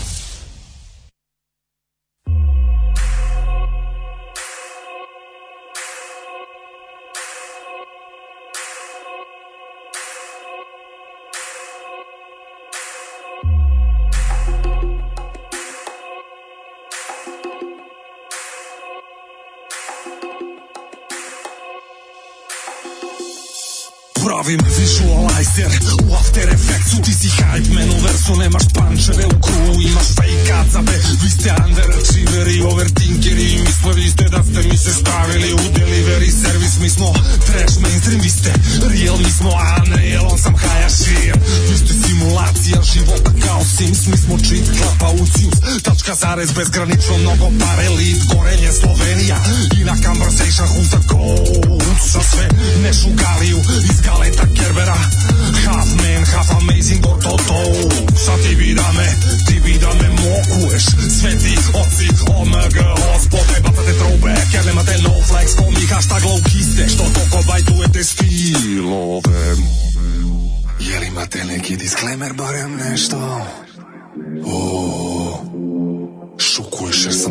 tebe baš direktno Renđo Da li fucking biraš reči kada pričaš ili pričaš Renđo Imao sam zero choice-a, zato sam vas panterovo Cringe je kad ti kažeš cringe Nije kad ja kažem, kad ja kažem Onda je legit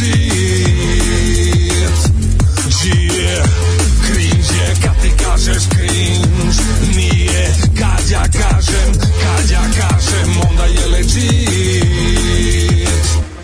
Yeah. Iger masterpiece, teaser crashujem Ti biri fun factujem Appreciations, gang, gang view Svuda lete approve Facts, facts, unity, oh bro Community, oh no Nisi satisfying, zvučiš edgy Nekako tako basic imaš Taj neki corny sound Ti si self decline, basi shaky A mi smo tako epic, epic. I nema dalje bottom line Cringe je kad ti kažeš cringe Mi je kad ja kažem Kad ja kažem onda je legit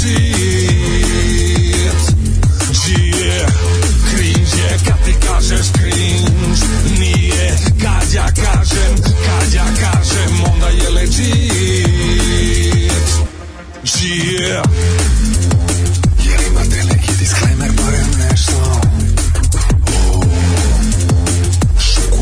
na tebe baš direktno Renđo Da li fucking biraš reči kada pričaš ili pričaš random Imao sam zero choice zato sam vas rovo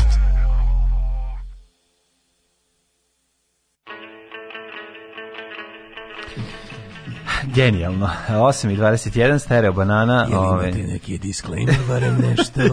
Znaš tih godine za mene. Da, ne, od, od, od čitavog repa koji sam, sam otkrio i ljudi su mi otkrili, Ove, ovaj, i zahvaljujem se Zokiju Nikoliću koji mi je dosta toga ove, ovaj, pokazao vezano za, za rap muziku, ali ovi i Stereo Banana su mi najveće otkrivenje. Znači nije mi ni, ni ovaj, mm, ni, ni, ni hrvatski, ni ne znam, nego nekako niški taj rep i taj... Više voliš niš nego Split. Nešto više volim, nego mi je veći od meni, meni A, veći iznenađenje. A, manje očekivao, pa zato. A ne znam šta sam ja, očekivao, moguće to. Ovo je stereo banana mi je stvarno genijalno. No, ja, Sve mogu, što ja mogu ceo dan na, na, na, znaš, na smenu slušam znaj Vojka. da me ugnjavi, razumeš? A ovo mi je, ovdje sve što sam slušao mi je no, jako, jako smiješno. je baš dobro, on je prvi album Vojkove. Je Odličan je Vojko, ne pogrešno, sad što mi ništa gnjava. Ovo mi je veće, ovaj, kako se zove, jednako mi je. Na albumu Vojkovom nema fila da. Trailera, nego ti ne znaš šta je album, šta je, šta ste, pošto ne, snima gomilu ti kolaboracija, pa nešto je da. on samo Feat, nije njegova stvar, ali da, onaj album, onaj Vojko, Bach, to, tu nema greške. Ne, to je genijalno. Na da, ploču, na ploču. E, ako ima ploče, treba uzeti. uzeti. Da, da. E, Charles Bronson igrao bilo jedno na Divljem zapadu. Tako je Odi Marfi je postao glumac i insistirane producenta da igra samog sebe. Mhm. Ali stari dobri Gandalf, Christopher Lee. Pa onda ovako, izgooglite Roberta Bronzija na IMDB, nećete moći da učite razlike između njega i Charlesa Bronsona. Vi da. znate da moj tata pokojni živo u zgradi gdje je živjela Dolfova žena, navodno. Pa e, ovo, su, ovo, su, ovo su oni podaci. Ovo su oni podaci koje ja volim. To volim, to volim. Ne. Da. Čestitali ođe na Luka, sam sami sebi čestitao. Ajde da vidimo moj prijatelju, moje rosno cveće. U, čekaj, ja se zagledam. Kako nas vreme danas morit um, neće. Valjda ja mislim da ćemo, trebalo bi da danas bude ok. Možda ćemo u nekom trenutku da pukne neka pa A Mislim da će da bude kejš. A, misliš? It's gonna be kejš.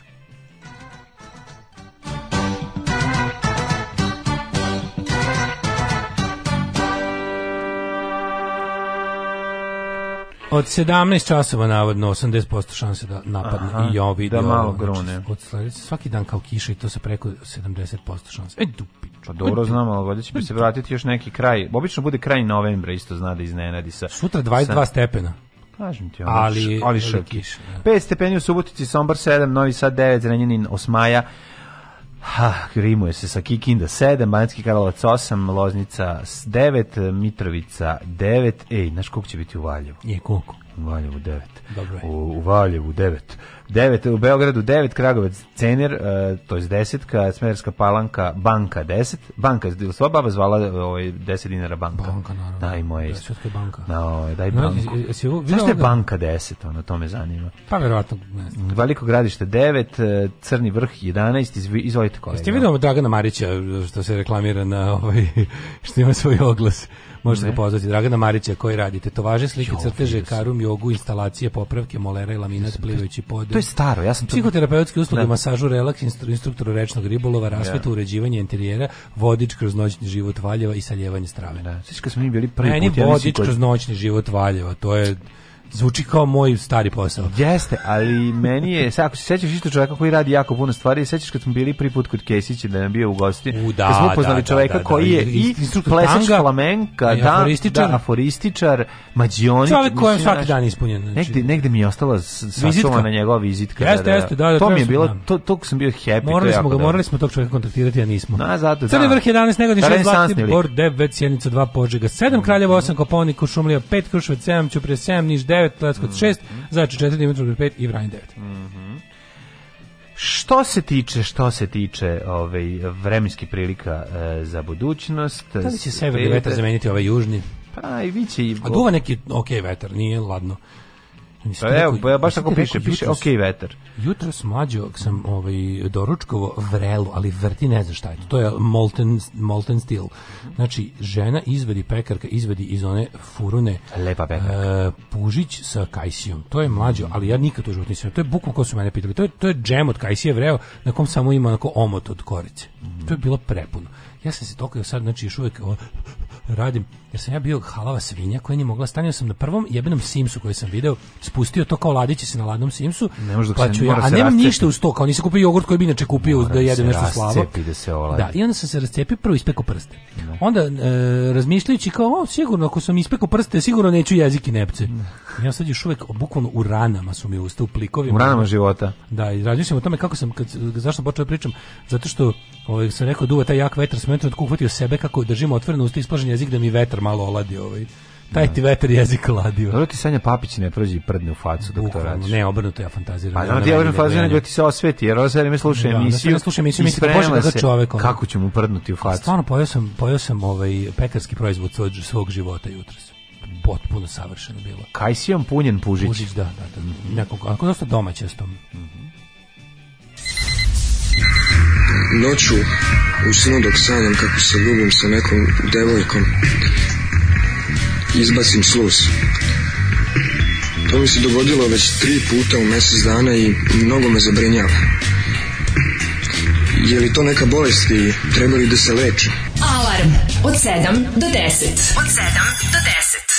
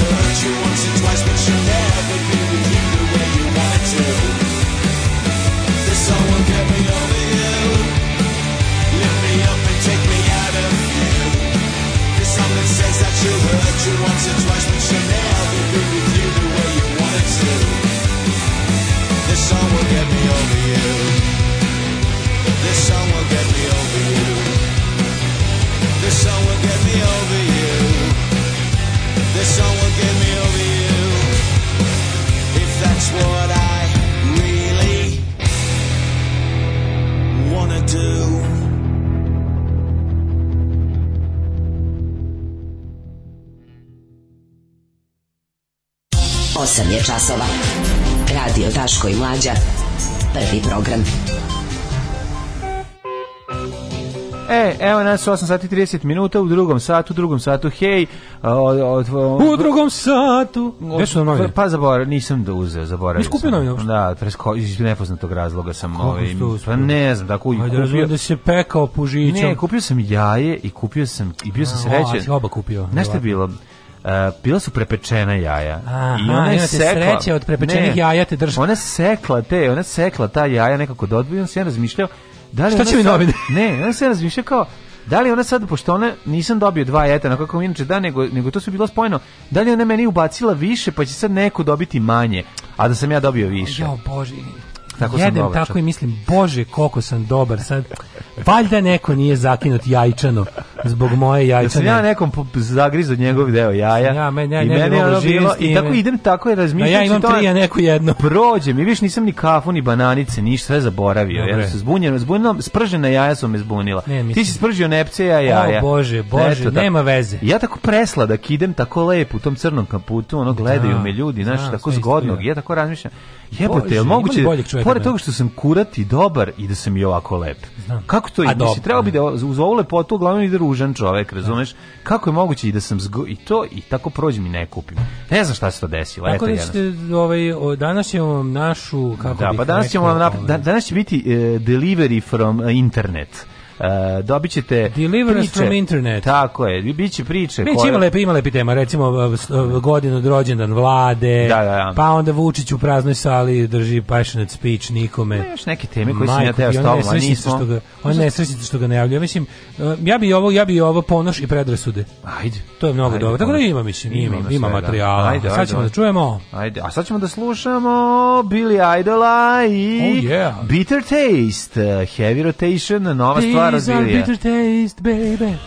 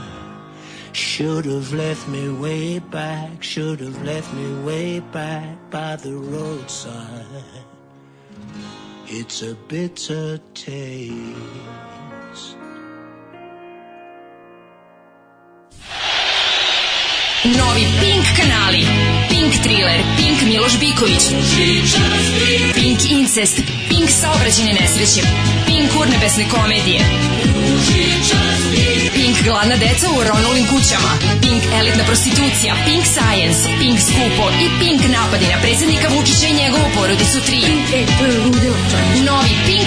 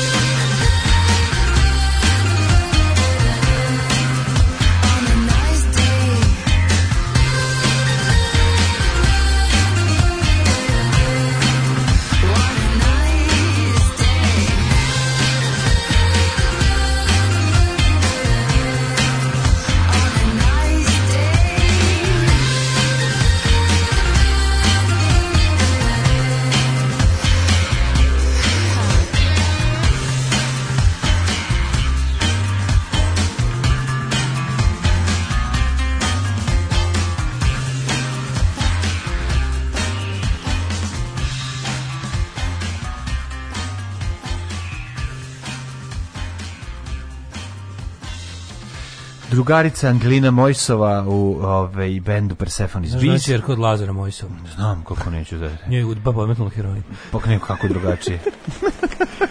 da volimo ovaj ideo kad se gasi motor. Da, da, da, da ona polako gasi mogu svoj moped. Mogu sam skroz do motora spavati. Na, nisi mogao, moramo sam ovako. Zakucao. Viš kako si, kako si, šta si sanjao? Kratko sam, nisu ništa, kratko sanjanje za obnovu energije. Mhm. Mm Ovaj onom on vampir položaju. Neka si se ti lampir stari. Lampir kad prekrstim ruke na grudima i padnem u komu. O, ovaj, za, za nije bolje Kajsija punjena pužićem. to nije e, loše. Zašto više nema ovakvih vokala, mislim na način pevanja? Pa zato što su Došao mi kum sa minakvom, kaže ženja. Znaš što kako ona liči? je meni ova Angelina Mojsova ista mi je kao ova devojka koja je vodila kulturni nokaut.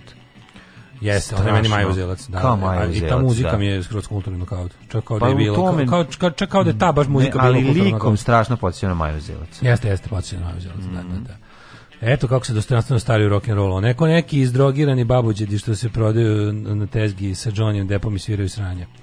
Apsolutno. Ove, ovaj, haha, atentat džemom od Kajsije. Pa još u starom veku poznata metoda eliminacije političkih neistomišljenika. Ko normalno stavlja džem u pužića. E, pekara Vuk 021. I pržeti, pržeti e, jezika. Ti znaš da je jezik tvoje oružje najveće, Milinoviću. Jezik je moje najveće oružje. Hoćete me osakati u jezik. I e, sad ime debeo jezik. E, zato tada pitam ovako. Ne, pričaš ovako. Pričaš ovako. Ne misliš šotrić biti. Pričaš kao da, treba pričati pričaš kao debelim jezikom. A, kao da mi je uvela pčela. Kao da mi je anafilaktički šok. Ne možeš da kažeš. E, debeo jezik. Kako kažu ovi debili antifilaktički šok? Antifilaktički Antifilak, antifilaktički. Antifilaktički šok se dobio od vakcine. Nego sam teo da ti kažem, ove, ja sam juče otišao da na počinak uz... Uh, dobro, baš, uz pravi počinak, počinak je, bi, je bio uz, naravno, tradicionalni od 80-ih, i čas sam slušao predstavu Isus se vraća kući, jako smešno. Dobro. Odlično, na da, trpanje mm -hmm. crkava, baš do, dobro. Ako netipično za ono vreme, kad je to bilo čak i malo pobunjenički voliti crkvu. Je li to Žanjetić voja pisao? Ja bih rekao da jeste, po stilu bih rekao da je baš Pošto imao je oni kasnije onih svojih uradaka. Da, da, ovaj, Istočno od Rajha i tako dalje. Ovaj. Ne, ne, Isus se vraća kući je bio do, do, dobro. dobra. skroz dobra. Mm -hmm. Nešto Jugoslav Ćosić pisao isto. To nije, mislim, pa mm -hmm. ne znam. A pre toga sam se kaznio da mi ne bude sve lepo u životu, sam odgledao onu debatnu emisiju Reč na reč celu. Najviše volim što se vratiš da indeks, izvini samo sekund. Najviše volim kada dok čitate tekst pa kažu pogrešan tekst i da. onda to kad neko neka neko krene da čita ovaj deo od nekog drugog tuđi, da da da. I onda uleti ono indeks. Pa se vrati, to mi je tako slatko, obožavam. Ne znam da dugo nisam razumeo kao klinac kad sam baš ja sam to Znam, čije se to sluša kad si Nije ti bilo jasno šta, šta, šta, to znači pogrešan tekst, šta znači pogrešan tekst i zašto on to kaže. Nije jasno da oni to glume, smeju da se da oni, nije jasno da oni čitaju, da, da, da, da. Ali pre toga, pre indeksovog pozorišta sam gledao ovo SNS-ovo pozorište. Ono. E, priči mi o tome kako to izgledao. Znači, Radomir iz Lazović iz Nedavime Beograd, onda neka ludača iz dveri koja je tako bila tu fikus. Super mi jako, dobro, jako mi je dobro što ta ludača iz dveri tu, pa dveri su sada omiljena Vučićeva opozicija oni su ono sad to kao ono nova demokratija. Pelcovana opozicija. Oni su nova demokratija, mhm. ovaj Vučićevom Slo, Slobodanu Miloševiću i onda su ovaj ona tako tu kao stoji s sve tako niko znači super što je Lazović je napada jer je nebitna, ne. a da. ovi ne napadaju jer su jer, jer je podobna. Mm -hmm. I onda je ceo fight se iz, je odvija između. Ali između... Bog ugodna, je, pa nemaš ni napadati. Pa možeš naravno kretenka je ono, ali nije bitna, razumeš, što on kaže fikus je, ne ne ne ne, ne loži je bi ga ono. Ne može sad da. ti na silu da praviš to, čak ni na, ni na prednjak sveže izašli govnar sa Akademije mladih SNS-ovaca ne može da od, ne može da napravi ni od čega svađu. Da. Ovo jednostavno nije došlo da se svađa. A ovi su uh, zajedno, znači ja moram kažem da postoje od iritantni ljudi u SNS-u, hvala Bogu, mislim imaju fabriku toga, ono. Oni imaju tu fabriku u šte, na štek Fabrika fabrici, iritantnih doboj. Štek vikendici neč, nekog navijača prave te sve kretene koje direktno onda liferuju u skupštinu ali malo ko je ovaj, kao Sau, Saruman kad vadio Đorđe Todorović on je on je naš brat on je on je onako onaj lik je prave kao da ga je Bret Easton Ellis napisao znači lik je lik je ona 80s karikatura Japija. znači kao fuzonu, ja sam mladi uspešan. Kao, mislim, ali na to sve dodaj na to sve dodaje onu hitlerovsku odanost, nacističku da. odanost vođi. znači to je savršeni ja, da spoj. Taj, taj... čovjek je živo govno taj čovjek je živo doterano govno, to je neverno, njega kao da je israo neko, ono. Kao da se neko igrao svojim govnima dok je čekao nešto, ima na kojem daš lepo glinamol govno i da, da, napravio da, da. mladog Đorđe Todorovića. Da. Ono je neverovatno postoji tako da postoji da diše tako. Napravio sam, golema od govneta. Da. Napravio da da da napravio golema od ovog kako se zove emeta koji treba da štiti režim, udahnuo mu režim tako što se ispiše po njemu.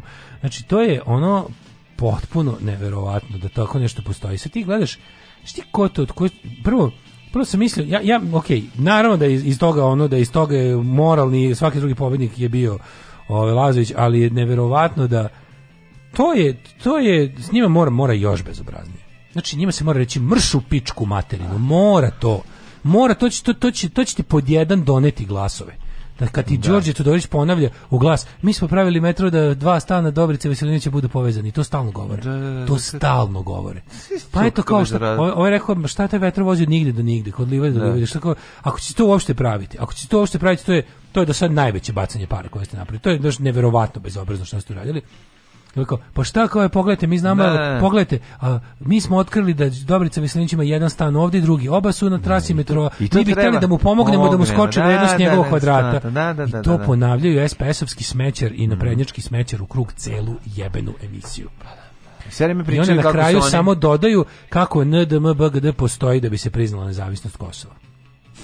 I onda ti kao s njima hoćeš da polemišeš. A ovaj ga stalno, kao krene da priča, stalno ponavlja to. Da, da. A stalno je dobar Cvesinić, a dobar Cvesinić, dobar dobar Cvesinić, da, stalno ali ima tu polemike, tu kraja, nema polemike. Do kraja emisije. Pa si sad, to, to, to, to je baš ono iz udžbenika nacističke propagande. Ne. On je počeo sa dva stana Dobrice Veselinić. Znaš kako je završio zadnjih 15 minuta? Pet stanova Dobrice Veselinić. Čovjek ima pet stanova, pet stanova je kupio, a znaš šta je tu najbolje? Kada, ti, kada te svinje govnarske govore o bilo čemu, ti iz toga vidiš ko su oni, šta je njihov. I svega što oni pričaju, to načinu šta, šta, kako njima ide tok misli, po tome vidiš, po tome vidiš da su to čista govna. Kada ono kao, kada on kaže kao, ono, vidite, on nije došao, još nije došao nigde na vlast, a već ima, ovaj, a već je kao, a već ima šta će da. tek da, znači, to, to što ne može, da. on ne može da pobegne od svog načina mhm. razmišljanja. Mm. Ne, ne, on tačno, ne da. može, ne, ne, znaš, to, to, to je iz, molim, to se tačno to se vidi kuva da su to u akademiji za mlade lidere, mislim, da, da, ti, da, znaš, on, on tačno znaš, njegov posao jeste da proizvede iz, od određenu količinu šuma ali i na tebi. Ali toliko srećan što je postupio kako mu je... On, on, ne, se... znaš kome se obraća? On se obraća svom instruktoru iz akademije. Pa On bukvalno to kao ali, kaže, pa na pa, pa, pa, pa, pa, pa, pa, pa, Znaš, ali ono odvratno, nije... a sam rekao, pa začuti 5 sekundi da, da vidi, da ga... Da ga... govnarstvo, razumeš, moraš da razumeš, to, on tačno zna, on, on, on se obraća komš, da komši crkne krava liku, razumeš, to je to i onda vidi ga, odakle tebi 5 5 stanova, vidi ga što ima 10 stanova, za 15 minuta će biti ono 24 stana, a ono Dobrice. Sve je obrnuto. Pa, ne možete vi, ne možete vi, ali, a, da, samo da znate, ne možete vi tako da targetirate. Ma šta je to? To je informer uživo. To je što oni rade, to je informer uživo. Ti imaš preko on, vaših on medija govori, On govori naslovnu stranu informera. Znači, on govori naslovnu stranu informera i ponavlja ja je kao čujem, mantru. Učije napome, da. Učije napome. Nedelju dana informera pa nauči. kako ova jadnica, ova, ova naša koja je... Ova, ova, bilje pilja. Da, da, i ona, ona, oni isto, bilje, oni svi to rade. Ona nije, ona nije ljudsko biće. Ali ne, ali isto rade, oni imaju... To je taj recept u kome, čak i kada nisu ne njih, biti ne znam koliko sve njih je neko israo znači sve njih je neko israo i vajao ne, ne oni samo uče na pamet to i tako se nastupaju i ti jednostavno u pri znaš šta naj, najružniji normalan najružniji moment kada se po svom čovjek nema vas vas pa čovjek nema to šta da traži pa to ti kaže hoće negde da igra da fudbal jer ne znam da igram fudbal niti me zanima tako je znači ukoliko te zanima da negde pokazuješ svoje veliko vaspitanje nemoj tamo to da radiš da. mislim razumeš što ste rekao hiljadu puta ponoviću 100 puta čovjek koji vozi po pravilima saobraćaja u špicu u Kairu će poginuti da. tako da da ono kao lepo je voziti, ali ja to isto ja razumem da nemački auto, ja ti samo kažem ne možeš s njim, ne možeš, nemoj da ulaziš, nemoj da ulaziš. Ne taj so, tebi treba akademija za borbu protiv akademije mladih lidera. Ne, tačno, zamisli, zamisli šok da on krene, kaže, da. kad ti kreneš prič, da prič, prič, prič, kaže, ajde ćuti pička ti materina. Znaš kako to bi bio grom, to bi bio grom. Znači to bi to, to njima treba reći.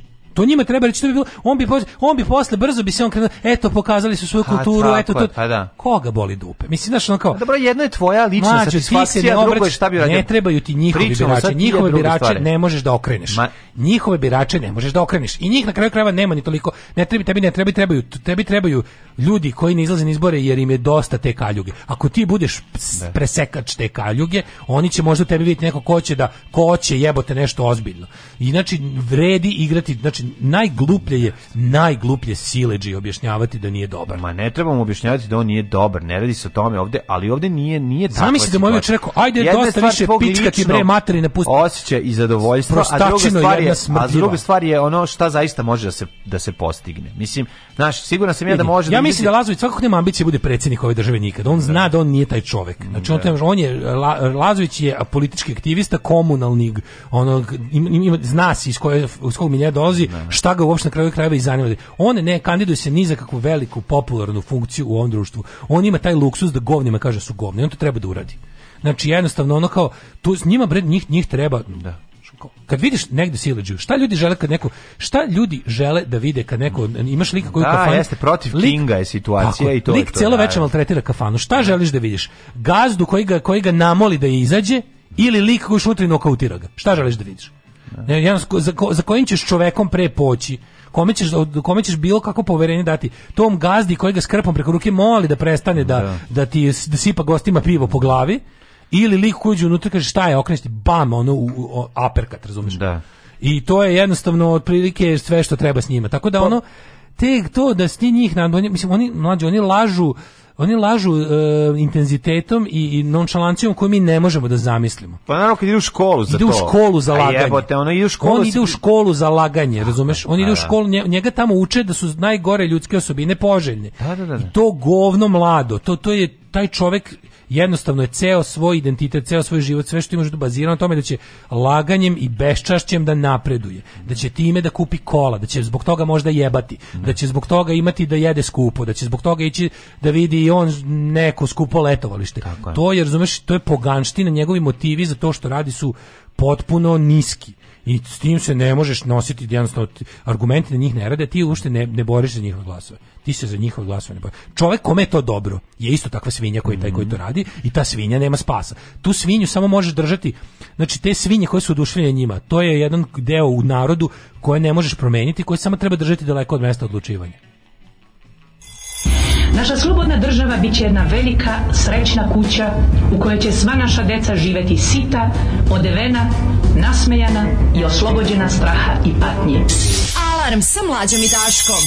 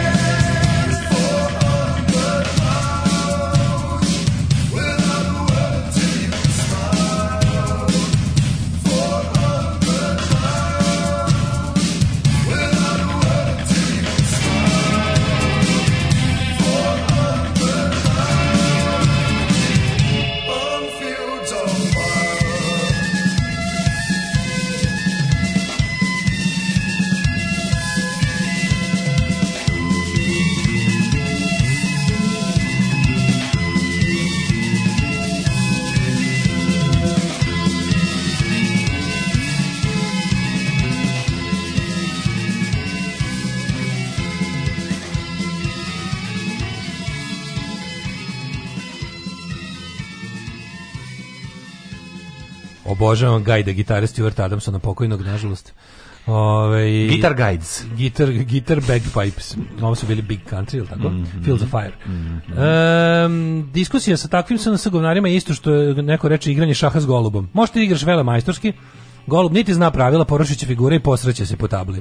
Dakle, nema razgovora sa njima. Goluba iz Goblina. Sa ovima samo ulica na proleće kada pokraduju beogradske izbore. E, isto koji za limanske petokrake, Treba nam neko kojih se ne plaši i ko cijelim svojim bićem i stavom to pokazuje. Treba nam ohrabrivač. Uh, jebem ti život u zgrazi, čovek, čovek u zgradi, čovek u sisavu pola devet sredom, treba živjeti u kući, jebeš sve ostalo. A, dobro, život u kući, ali život u kući ima svoje... Ima, ima Znate što je rekla jedna moja prijateljica? stalni jedna rad. Moja verujte. prijateljica mi je rekla, ove, ovaj, koja se preselila iz kuće, ja koja je imala jako puno posla. Ja sam stalno preselila 30 godina ljudi to je... Preselila se u stan, slušaj šta je rekla, jako dobro, kaže ti ne možeš da veruješ koliko čovjek u stanu ima slobodnog tako vremena. Je, tako je, tako ti i šamaraš pod za toliko i toliko i završio si i tebi ostaje jako puno slobodnog živo vremena. biće koje stalno hoćete da se bije s tobom. Kuća je pijeni student koji stalno traži. Kuća je živo biće koje se bije s tobom. I pravi stranja. Či znači, smišlja kako da te povredi, kako ti ostaje bez novca i kako te napadne. Da. To je te kuća. Ali zato u 3 ujutru kada se odlučiš da sviraš, izađeš i sviraš. Dobro ti ne, da. ali ima ko može. Ne sviram. Ko može, pa dobro ti. Ja sviram kurcu. Pa dobro, ali hoću ti da kažem, znaš, ono kao ustaneš, ipak je, znaš, nedelja pre podne u svojoj kući, izađeš u dvorište, sedneš, piješ jeste, kafu. Jeste, svakih, svakih 100 godina kad svet pogodi pandemija, ja sam baja. A pa nije samo kad pogodi pandemija, nemoj zezati. Znači, od marta meseca, pa sredine aprila pa do novembra meseca, ti i tvoj dvorište ste gospodar, i napolju si uživaš, ima to svojih prelepih da. ovaj momenta. Um, ajmo mi da vidimo, kaže, znao sam da će mlađe reći golub iz Goblina.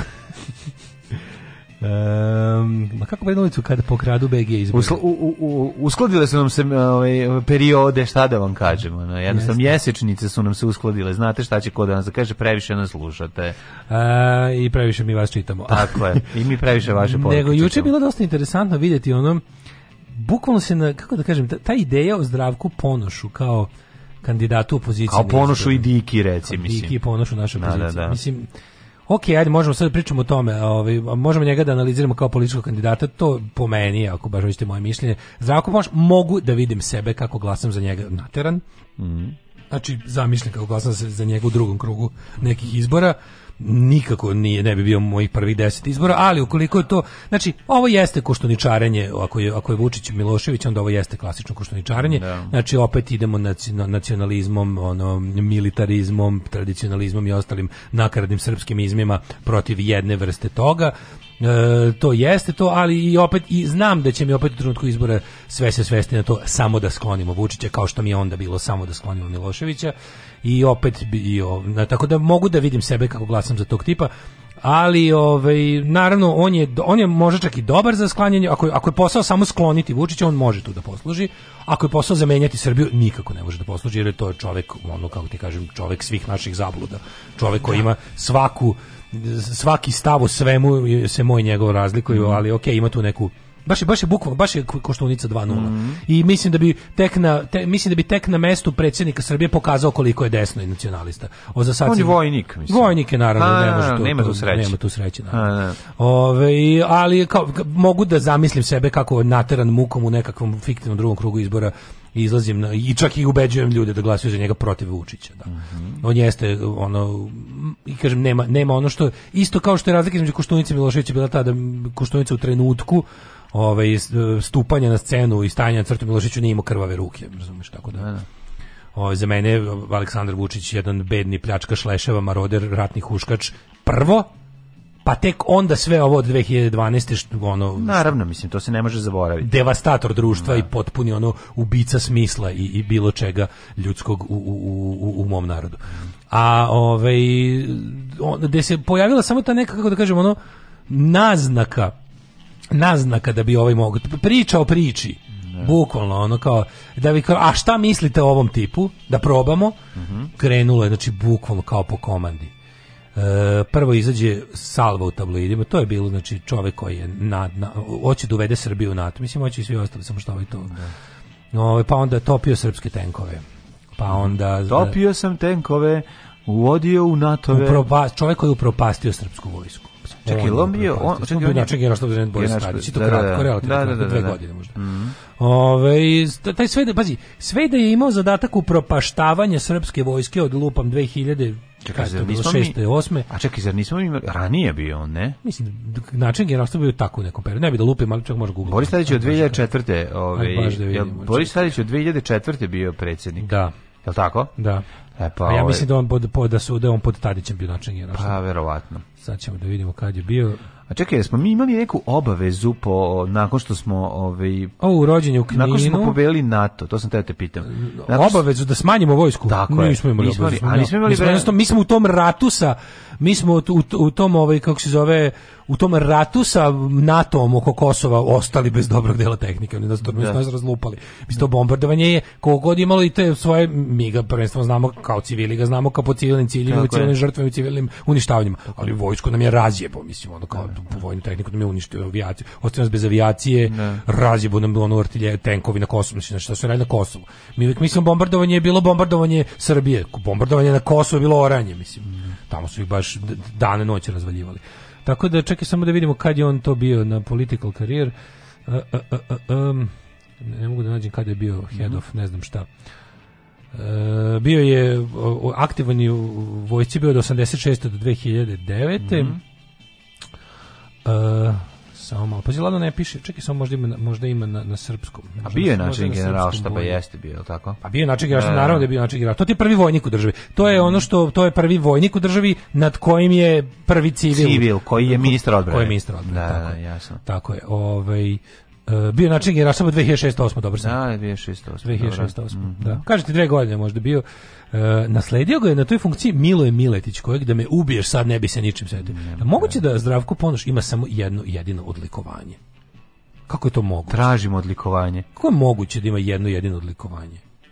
a da je načelnik generalštaba. Mislim meni je malo taj njegov uspon bio dosta. Ja kapiram da u trenutku kad je trebalo njega staviti tu u našem u tom našem ovaj kako bih rekao um, Pa to smo imali taj neki kao malo ubrzanje evroatlantske integracije, da je malo bilo dajte neko novo lice Srbije, nemojte nekog brkatog JNA generala, nemojte ni nekog baš četnika da, koljača. Da, zameniš Livančanin. Dajte face. nekog, da, dajte nekog ko je tako malo NATOast po izgledu, uh već ko je tako malo ono kao savremena kao vojska koja ratuje kompjuterima i dronovima, malo taj lik nam treba. Pa su našli njega kojem je by the way magistrirao sa temom globalni navigacioni sistemi.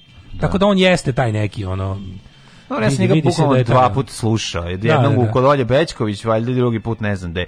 Mislim, nisam imao prilike puno da ga... Ok, nisam se Mislim, on jeste, ali... jeste NATO, ovaj, kako se zove, mislim da jeste, kako da kažem, NATO čovek, uslovno rečeno što mislim u vojsci Srbije možda kod mene, kod mene u knjizi možda bude samo plus, ako preko mm. puta možda bude ruski čovjek. Ne. Da. Tako da, ovaj, e, da, i sad kao kad, kad je krenula ta priča da bi on možda mogao biti, mislim to šta je bilo, oluja. E, ali ona, odmah, to je nevjerovatno kakav je protokol na prednječki za blaćenje ljudi. Obično... Ne znam, ali nije ti ovo, zar ti nije ovo ko... Zar nije ponovljena priča o, o Saši Jankoviću? Zar ti neka naš kao odjednom priča kreće... o bilo kome, da, mlađu, kreće... čovek koji se kandiduje za savjet mesne zajednice. Kao čist čovek, dobije... ne, mislim, ono čovek koji jel, nema neku... Ove... Ovaj- čovek koji kaže, teo bi da budem nezavisni klimat, da, da, da. njemu će on prilike, da, da. da. kako ti kažemo, ono, jebo kera u Limanskom parku. Znači, da, bukvalno da, će da. biti tražići i to su laži koje... Evo slika kako je pio pivo ono, znate šta on radi? zajedno sa svojim drugarima. On ispred a bila probuši džepi i stavi da. bombone u njega. Pa to čekaj, to ide treća to je, nedelja. To je Prva treća. nedelja je evo ga pijan, ono, ali to je školska predstava. Evo kao mladić kako je, kako je bančio. Prvo, prvo to je da školska da mogu... predstava. Ne, znači, sveto trojstvo. Ne. Uh, s kim spava, mm Uh, koji su mu ovi kao to, droga, alkohol mm -hmm. i treće izdajnička delatnost. Da, da, da, priznavanje znači Kosova. Priznavanje Kosova. Tako je, znači, znači to, da, da, sastao da, se s decom iz vrtića da im dakle, podeli da jebe auto u auspuh. Jebe auto u auspuh i tera da. ga da prizna Kosovo. I tera prizna Kosovo. Znači, tako da krenulo odmah to, ali super kako mehanizam koji Njegov auto je već priznao Kosovo. A zato su ga izjebu auto. Izjebu, da, da, da. da dok su deca s bombonama. Ovaj. Bilo loše bombone. Da, ali, ali fore što ima, ima tačno, tačno ide, zna se kako. Znači, poneo je tvrde, poneo je tvrde mentol zajebo se, koji što jesti. Nekad umeju da iznenade sa uh, zamenom mesta. Znaš, da li nekad šestrugao, ne? Da. mentol, i odvratne. Pa da. kamfor bombone, ono što što ovaj volim Mrzim. pačetinu s kamforom kinesku to je to nisam ja milion godina to jer meni je kamfor kao začin da se kupi mm, ne znam ja ga ne volim to meni to je zapravo kao čaj al da? meni je to ovaj kako se zove podsjetnik u, u skoro je upali sinusa da probaj da napraviš pačećinu ili ćuri neku živinsko meso na kamforu jako bude dobro ne volim da e, mentol ne voliš taj, je ne volim to, to mentol to je više onako Znam, ladi, okej. Dobro, da ne širimo sad. Ne, vidi ovako, ovaj, ne mogu da probam pačetinu sa kamforom, ne volim stavljati, generalno čak... Znaš da mrzi mentol, ali ovo nije da. mentol, ovo je više kao neki ne znam kako bi nazvao. Pojeo bi, ne da se tome, ja nego nisam fan tolike, da. ali ovi, ovaj, recimo da no, se vratimo se od ponoševog kamfora da, za da, decu. Da, vraćamo se za kamfora za Tvrdih bombona u mm, probušenom mm, džepu, da, da, da. vratimo se na mehanizam blaćenja. Da. A to je, nekad znaju da iznenade, a to je da ponekad puste prvo tabloid po skupštinu, sad je bilo ponekad uglavnom puste skupština pa tabloid. Prvo krene na onim njihovim dosadnim zasedanjima da ih ni kurca nemoj da radi jer su zakoni već usvojeni, sve što treba se usvoji se usvoji i onda i tako sede i blate opoziciju i predstavnike ono javnosti koji nisu pod njihovom kontrolom. Tako da sve bilo obrnuto. Sad je krenulo, to prvo su čuli, verovatno nije bilo zasedanje, pa su morali da reaguju tabloidski. Na prvu naznaku toga je bilo shitstorm iz tabloida, da bi onda krenulo i I, na, na, na, ali super je kako odjednom ti ljudi koji su bili strašno zabrinuti i obsednuti time da Srbiju ne upropasti, ne znam, Gojko Đilas, sad su odjednom svi, svi odjednom su imali proviđenje da je najveći problem Srbije zdravko ponoš. I onda kreće jedan po jedan poslanik da i zna se kome odgovara ova situacija, sa ne, ne, to je svakako gospodin zdravko ponoš, koji je nakon što je pretopio tenkove izdao kosmos. Mislim, by the way, Zdravko Ponoš se, ako ćemo baš to, s te strane, ono, mislim, on je on je to odlikovanje koje je dobio i to sve on je poznat po uspešnom svom, kako kažem, radu. Pa uspešnom no. Da. pobavljenom poslu baš tog kosovskog rata, mislim, tu je on. To je, to je zapravo njegov jedini rat, on nije učestvovao u ratu, ne znam, ne znam ga iz ovih prethodnih ratova, znam ga iz Kosovskog rata. Kao. Ako je to bio neki rat, on zaista bio uh, komandant nečega, tad je bio da. valjda pukovnik, ja mislim. Mm -hmm. Tad je bio pukovnik. I onda kao mislim za toga baš teško mogu prozivati. I onda kreću za te priče kako je on, znaš. Ali znaš, stvari za koje bi recimo da nas Vučić uvodi u NATO, onda bi to bila najbolja stvar na svetu, a drugi niko ne sme da nas uvede mm, nigde. Jer svako uvođenje bilo gde van Kine i Rusije, ako nije Vučić je je nacionalni izdaja. I onda za kraj da se zapečati, da se zna da je to, da je to jedan zlikovac i govno čoveka, mora i Vučić lično da ga opljene. Jeste. Jeste, i pa javio se iz jebenog Glazgova da se bavi time.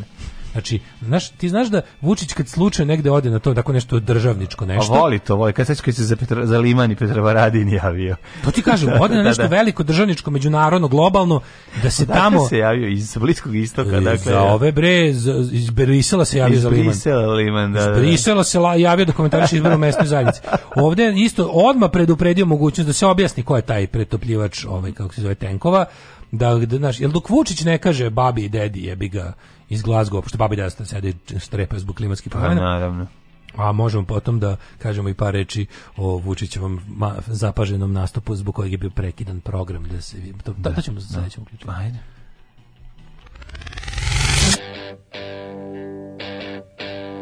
I kome nagovori da uzgajam pečurke? Srbi i šampinjoni. Srbinu treba meso, škembe, lukac. Lucas, Lucas. Ale šampignoni. Alarm svakog radnog jutra od 7 do 10. Od 7 do 10.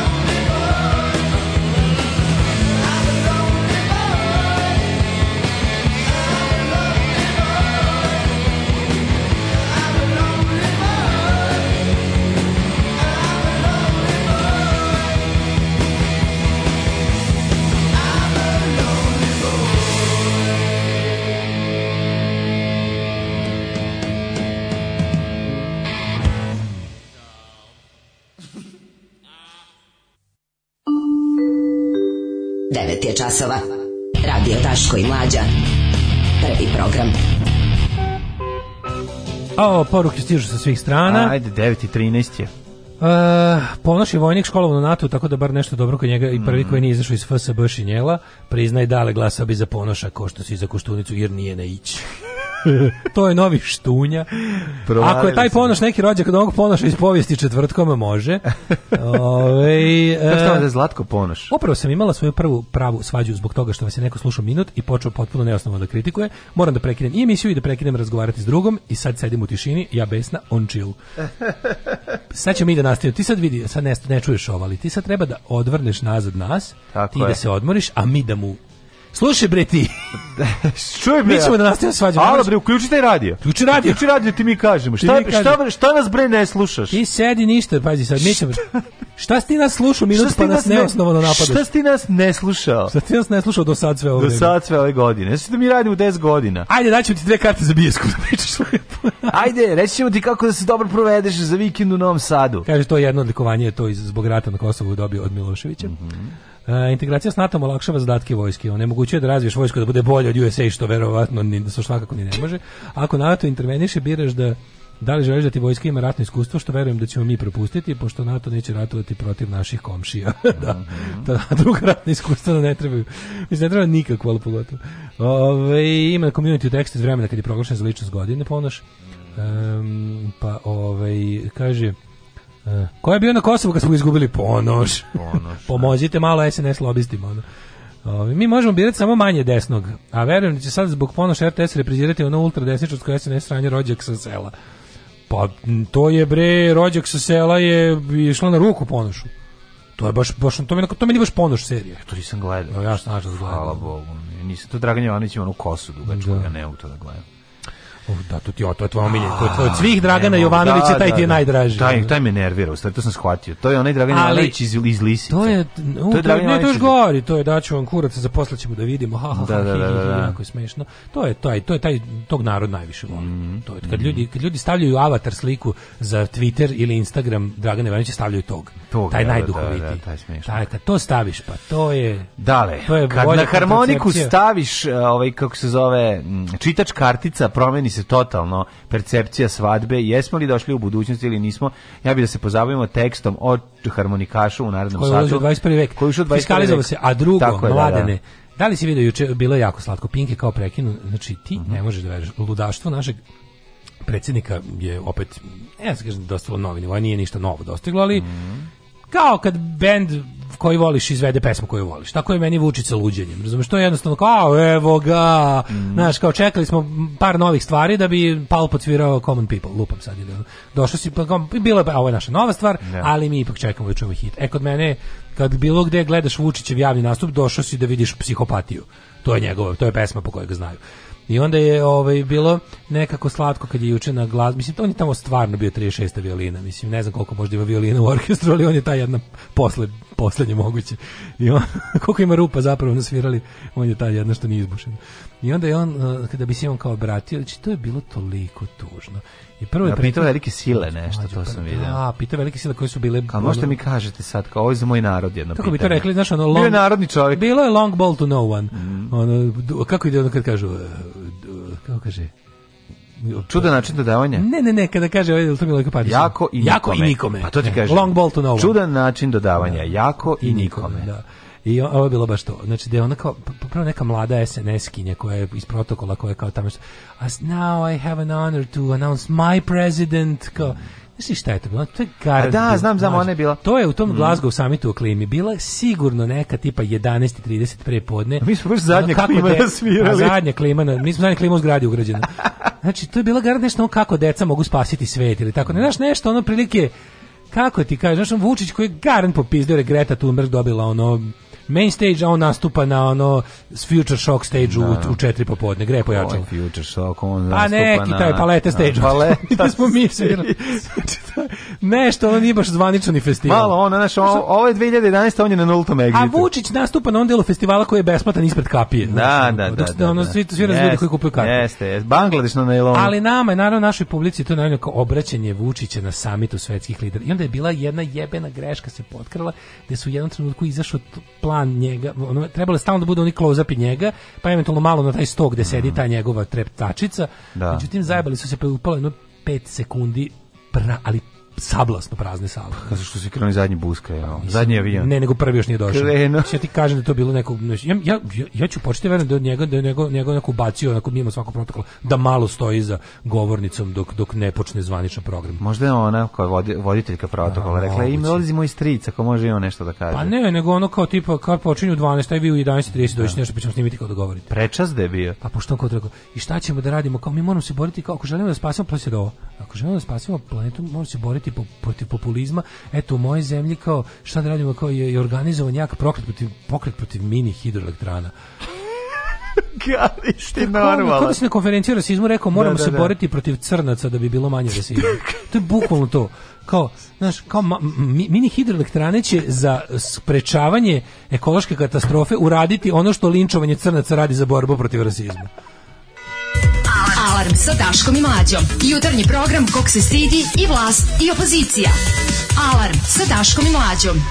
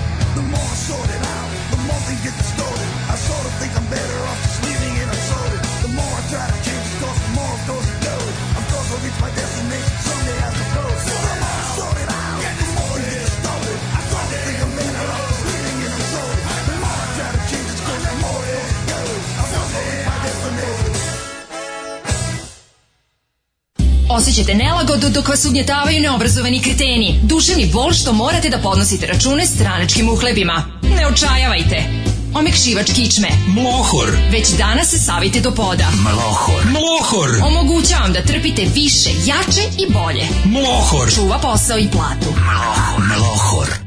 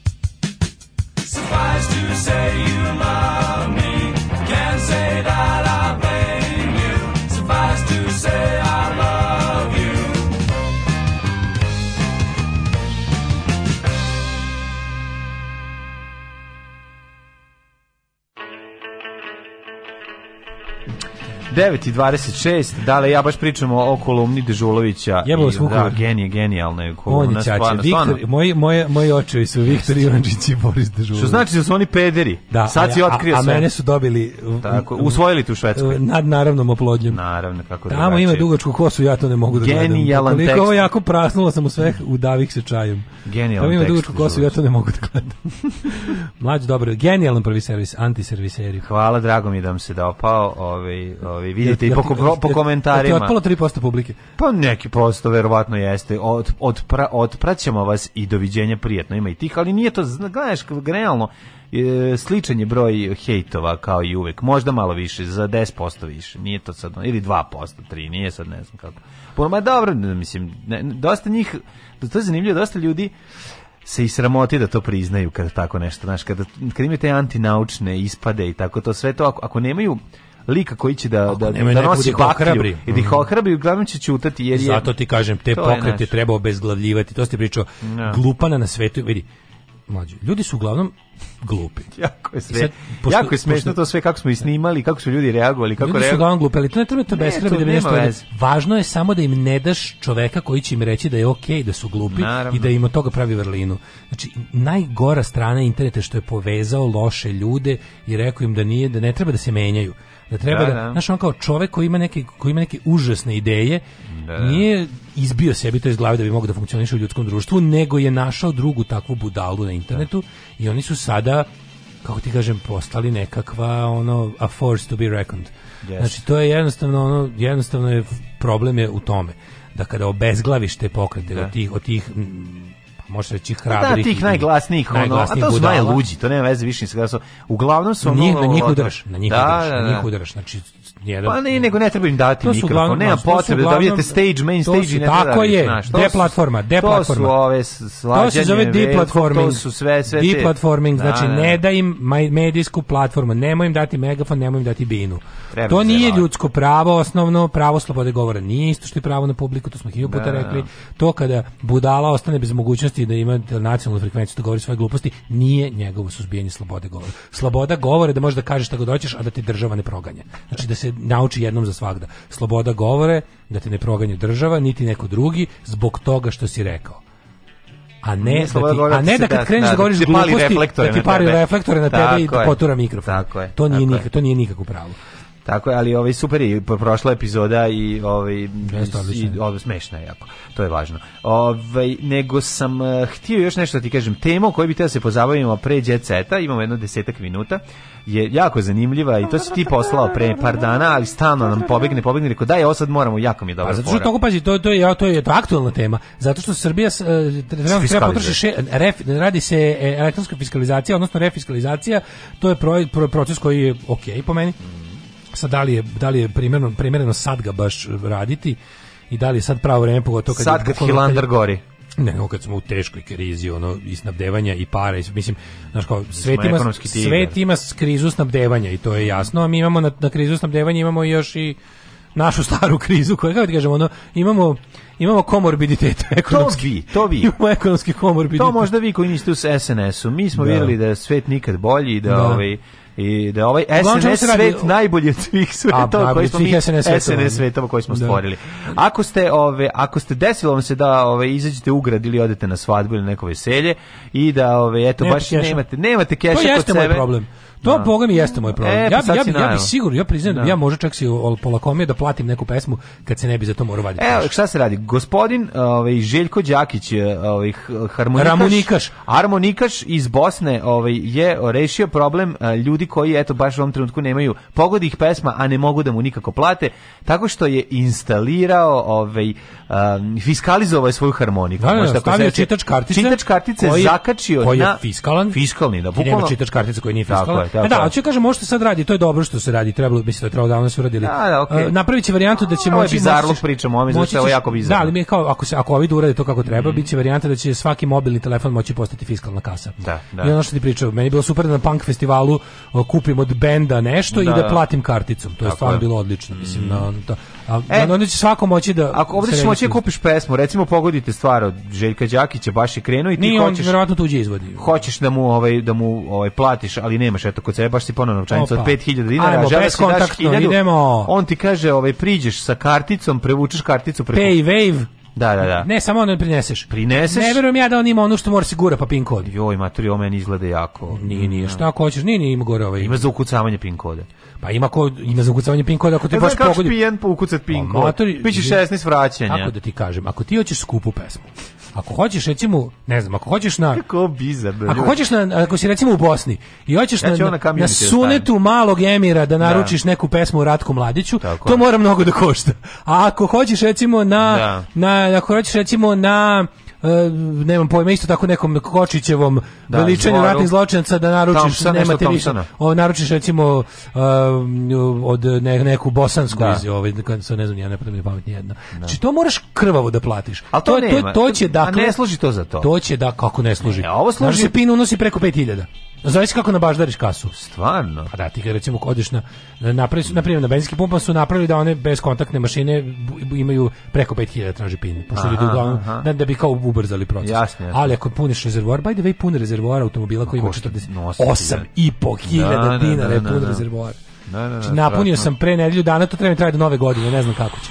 To mora da mi potraje do nove godine. Da. Uglavnom, ovaj, nemojte me zvati daleko nigde da idem, samo za pogradu imam ali ovaj da, da tako da, da, ćemo ima mora da ima taj mora da ima brojčanik taj mora da ima taj digitalski da, deo da, da. ako recimo čovjek hoće baš neku pesmu koja nervira celu kafanu ko hoće baš da krvavo plati neku pesmu onda mora da mu i ove odvali, kaže, izvini, pevanje takve pesme koje ugrožava mene, tebe, instrument, pa znam, ali, orkestar. Tale, ali to ovdje, ovo sad nije pitanje, ovde je Ili pitanje... Ili pijeni milijardi. Pa nije, ovde su ljudi koji jednostavno ovaj, vole, ovdje su svi, ovdje su svi zajednička ekipa. Cepa se, neću, neću, dijamante, Halid, ja Bešlić. Ja se nadam. I ne, ne, ne mora pesma da bude skupa samo zato koja je kontra cijelog, pa cijelog ne, skupa. Ne, ne, gorni sad dođi i pijan čovjek želi ono... Ne, čovjek hoće baš se... Baš, ono... Tikla se u korenu seče i ovaj mu nađe, tikla se u korenu seče i ovaj kaže, jebote, moram sad da platim. Tražio sam najzajebaniju ne, pesmu ja koju niko to, ne zna, makedonsku. Cena pesme je u ovaj u, ceni pesme odlučuje naručilac. Ma cena pesme nije bitna, bitna je kako bitna ćeš ti je, zbog kako, pin kod, zbog pin koda, aha. Zato, neko, zato ima a ti može, a šta ako recimo neko slučajno prođe pored harmonikaša, nije ni voleo pesmu i ovaj mu očita. Ne može, zato što mora da uključi da da bude, on znači aha. ide sad ova pesma i on za nju samo stisne tamo na na baždari da, da krene. Da, da. da ovaj Ali kad izađe fiskalno na bilo koju pesmu svirao ili samo naručena pesma 1000 dinara tip. E pa sad to, to te pitaš mnogo, ali ja mislim da, da mislim da je on to povezati neki sa ovim? Ja sam prilično siguran da on to rešio tako što se... Shazam povezan sa ovim. Mislim da je on to rešio tako što ovaj, se nakačio kao jedna od fiskalnih stavki, stavki lokala u kom nastupa. Znaš, on kao kad imaš u lokalu... Kao kafa košta. Ne, ne, ne, kao, pa da, ali u stvari to je bakšiš. Ti imaš uh, u boljim da, lokalima. Da, da, da, da, da svi bakšiš. vi koji radite u ugostiteljskoj industriji i niste gazde, nego ste konobar i ostalo, zahtevajte da gazda uvede varijantu davanja bakšiša karticom. To nije nikako trošak njemu. Mm To je jednostavno možete sasvim lepo da se dogovorite da to bude fiskalna stavka koja će koja će ono Nije, na kraju ja krajeva ići na 200 dinara uvek. Ali nekad toga, nemaš šta? Da. jebi ga, nekad stvarno nemaš. A ima sad u neko pa u, u kafanama može. Da imaš za to. U kafanama može, u, u, mnogim kafanama može. Da. I dogovore se lepo da to bude stavka. Tako je, ja kapiram da je ovaj to napravio da kad on svira, on je on je zapravo ta neka da ide pruža tu jednu, jednu uslugu i kad naslanjaju ti samo ti moraš uneti iznos svakako, zato služi brojčanik. Da, da, da, da. Moraš uneti iznos, znači kad krene stvar kaže svakako mora iznos. Pa da. Pa da, šta vredi, znači da znači pijan treba da staviš 1000 dinara hoću da dam.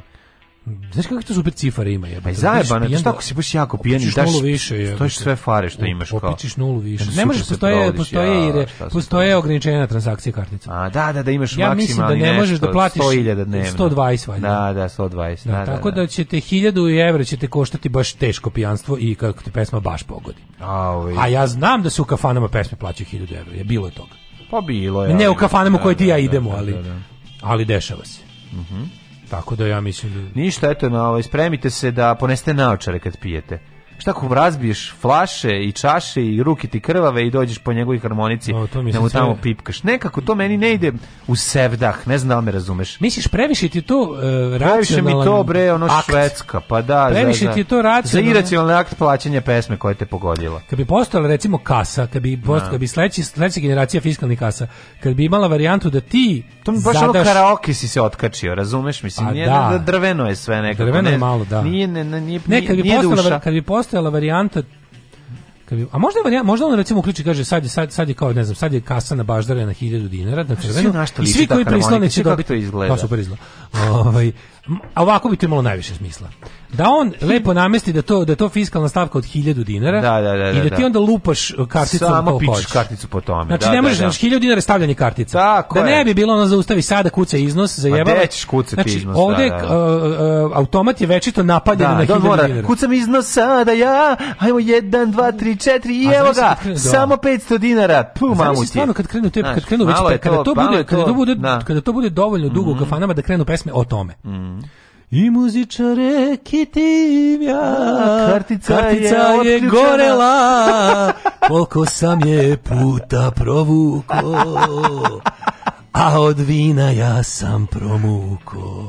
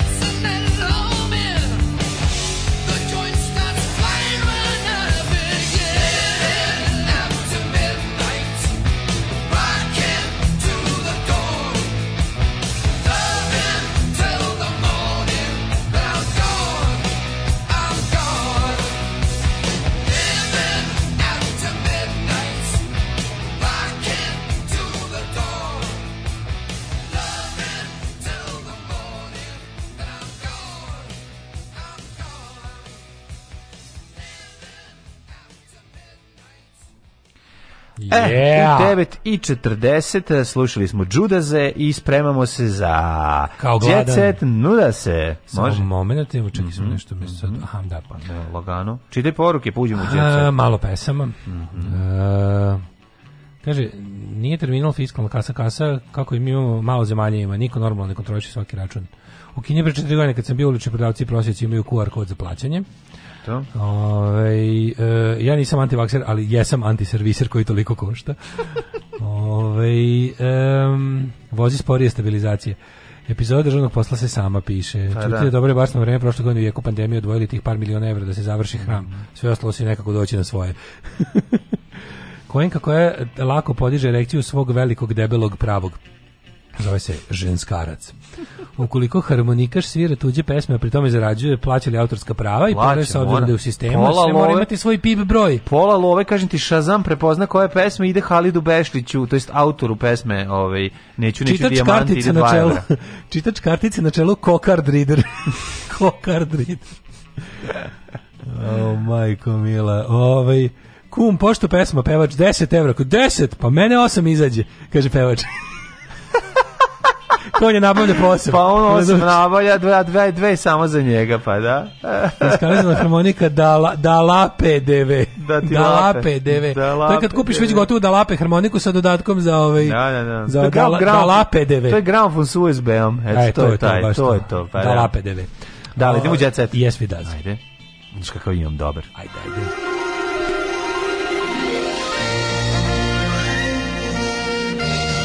Jet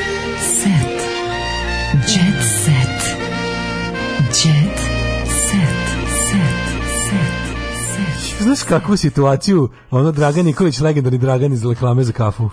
Slušaj, ja, ovo. Čekaj, ja, svi su ga voleli u porodičnom blagu. Čuveni lister danas ima 75 godina.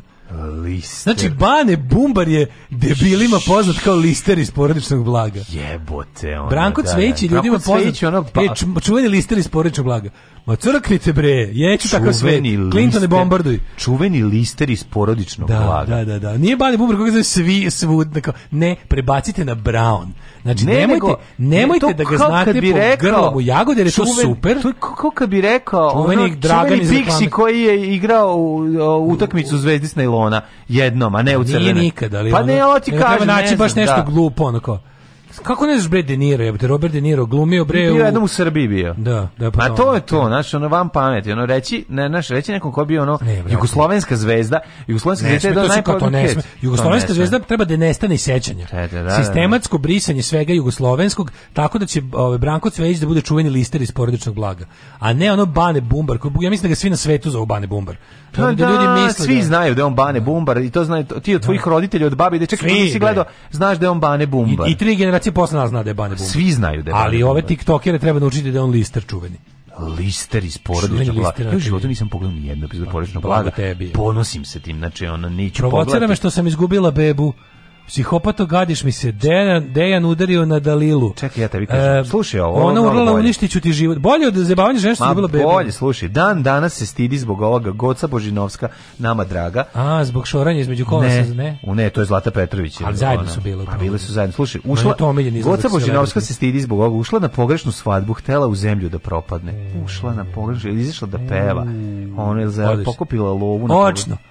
Pa Sviš kad uđeš u pogrešnu svadbu, ti se desilo da uđeš u pogrešnu sahranu, e to isto može da se desi. Da u jedno, mi, se, jedno mi se umalo desilo, man, da, ali stvarno, sad se ne zjebam. Ču, ja to je bilo relativno skoro. Ja znam jako dobro, sme, ono smešnu, tužnu situaciju, Umrla, gde se žuri na pogrešnu sahranu pa se još saplete. Umrla drugarica na Kijeva i onda smo u onom, da. onom znaš da je bilo... Da, imaš ovaj, onih... Bila je mala mm sahrana ovaj, i onda imaš onih nekoliko onih, kako zove, separa, se, separeja za pa, kopče, u kapeli da, da. onaj. Mm ja gledam, znaš kao, ovaj, sad znaš da stoji obično par tamo, znaš. Mm -hmm. Nije kao navrga bilo ni jedne zalepljene. I onda je bila fora sad, a, a kao, ja došao kao ranije, sad, ovih, ne, ne, ne vidim nikog. A da ti već počeo da plačeš. Ne mogu, ne vidim nikog da prepoznam. Da. Ja ušao na ričem, ona... znam nju i njenog čalata kako, da, da, njenog čalata da. bi nabo kako izgleda otprilike, ali da. ono, setio bi se, jedno sam ga video, ali ono, sad ne vidim ko je tu, znaš, još nisu stigli, gde se, mm. gde se esti. Ti počneš već da plačeš. Ne, ne, ne, i, ovaj, i sad najluđe od svega, dođe neko i krene, otvori se ta jedno i sad kada ovaj kaže stavi tu cveće, ne pojma, mm I ja stanem u taj red i onda vidim da nije ta. Jao majko, ja, dobro. Da, Bog, da, već da. sam stao u taj red koji se formirao. Na dobro se ostavi, mogu se cveće ostaviti. Da. Ništa, nisu doneli još bili, ni, nisu da. doneli ništa. Znači, bilo je, trebalo tek da se donese, nije, nije stajala parta, nije stajao još krst sa ovim. Da. Znaš, ništa nije bilo. Bila su dva kovčega, jedan sta, tačno dobro sećam. Jedan bio ako čim uđeš, a jedan bio onaj, onaj bočnoj sa strane. Da, da, da. E ja da. stao ja stao u bližu, a najbolje naricanje. Mo, sahrana koja se trebala trebao bilo ovoj bočni. Najbolje naricanje i plakanje bilo ja ja. Jesi ti došao motorom? A, e to je bilo najbolje. Gde uz Aj, dobro, gde uz jako veliko naricanje, sve se je bilo i pitanje racionalnosti. Ne, ono da se došo motorom kako ćemo se vratiti nazad, nazad, da kako da. ćemo nazad, jako dobro. Um, Ivan Aleksić nakon razvoda od ša zatvorila salon na Vračaru. A nismo pa do kraja za pa vratili smo mi. Čekaj, kaže pilog njene bruke. Osim što zbog što se svadbenu u seoskom naselju. Stid zbog ovog blama, meni se dogodilo da sam ušla, otišla da pevam na pogrešnoj svadbi, dva veselja u istom mestu na nekoliko kilometara i ja odem na pogrešnu. Došla kod domaćina, pozdravim se, on mi lepo dočekao i mislili su da me neko od gostiju angažao. U, ovo je baš komedija zabune ozbiljna. Ja sela poslužena, ljudi mi doneli da ručam, kazali mi da se opustim polako, sve i za pola sata zvoni telefon, zove me čovjek da pita gde sam. Pa gocu, gde ste vi ljudi čekaju? Ja govorim, pa ja sam došla. Oni meni govore da sam pogrešno mesto. mestu. Kasnije se izvinila jednim i drugim. Morala baci peglu da izbaci sve to što je pojela. Ne, morala da, ona da već... njima nešto. Pa morala, da, da, pevne, da, da. da pevne da, da, da malo. Za taj krastavac što je zagrizla. Slušaj, ja mlađe, mm? tražili smo, tražili smo dobar, dobru ilustraciju Bane Bumba, čuveni lister. Mm -hmm. Daško i mlađe, kako ne znaš Daško i mlađu? Pa oni bre iz Blitz klipova. ali je fora što mi nemamo tu poznat. Kažemo, ovo ali, nije, razumiješ, ni ovo nije, ni ovo nije ono, Da. Lister iz porodičnog blaga i odnosno na Baneta Bumbara, blic u odnosu na što mi inače radimo. Da, toliko da, je nisko. Toliko je nisko, da. Toliko je nisko. Yes. Tako da je a, a, ilustracija više nego mm. dobra.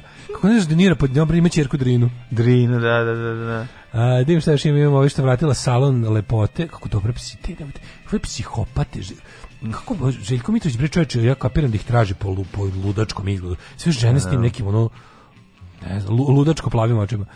E, Carski da se brine šta će otac da je kaže, ne bi po Švajcarskoj radila šta je radila. Ovaj, rekao je da Lilin tata Rekao šta? Šta rekao za čerku? Pa rekao za ćerku majko moja. A da ne. Da ne rekao će Dejanu prepisati kuću, isplivale su šok tvrdnje. Mm. Haso Mujić, otac Dalile Dragojević, koja je muža Dejana Dragojevića prevarila pa ostavila pred milionima reality u Zadruga 5 Rekao juče da kuću u selu koju kojoj su živjeli Lila i njen suprug planira da prepiše Dejanu. Mm -hmm. Idi u kurac. Nje, ne, nekadašnja učesnica zadruge bivša inspektorka. Mhm. Ljiljana Lili Stevanović otkrila da je pa da, ona je koji ovo half pa to je baš sve znači car skino gaće pred Dalilom. Dalila je Dalila je ostavila da muža. Dalila voli da vara. Ne radi kurva ono zbog para, već zato što voli da muža da vara. Ne, pazi, ovaj meni. Ona sigurno nije bila verna u braku.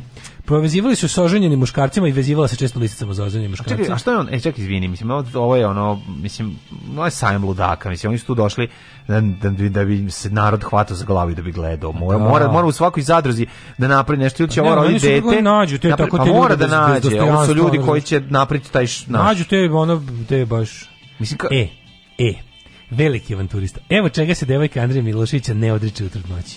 Šta? Čekaj, jedno čekaj. Avanture. Što je teško čitati sa... sa, sa ovo, kad, Car skino gaće predalilo. Dalilom. Evo, opustio si kao nikad do sad, pa ako si se opustio kao nikad do sad, to nije, to pa nije dobro. dobro kad gaće, evo kako je, da, evo Dragojevićkina reakcija.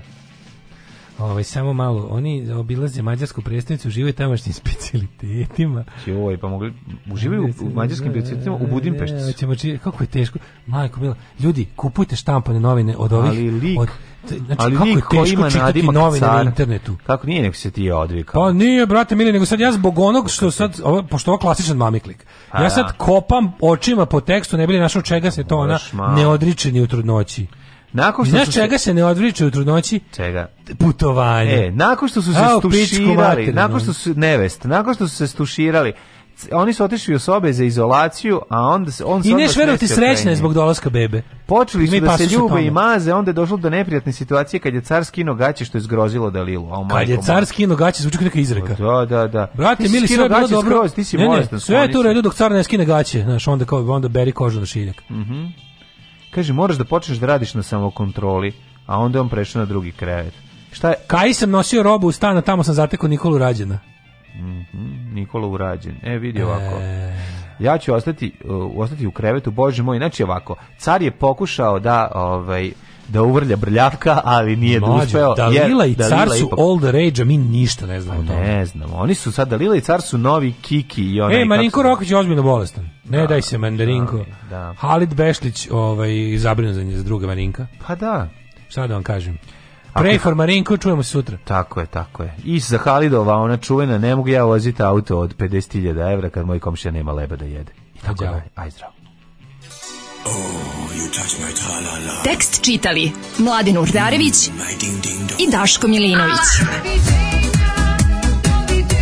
Ton majstor Richard Merc. Realizacija Slavko Tatić. Urednik programa za mlade Donka Špiček. Alarms svakog radnog jutra od 7 do 10. Oh, you touch my tra-la-la.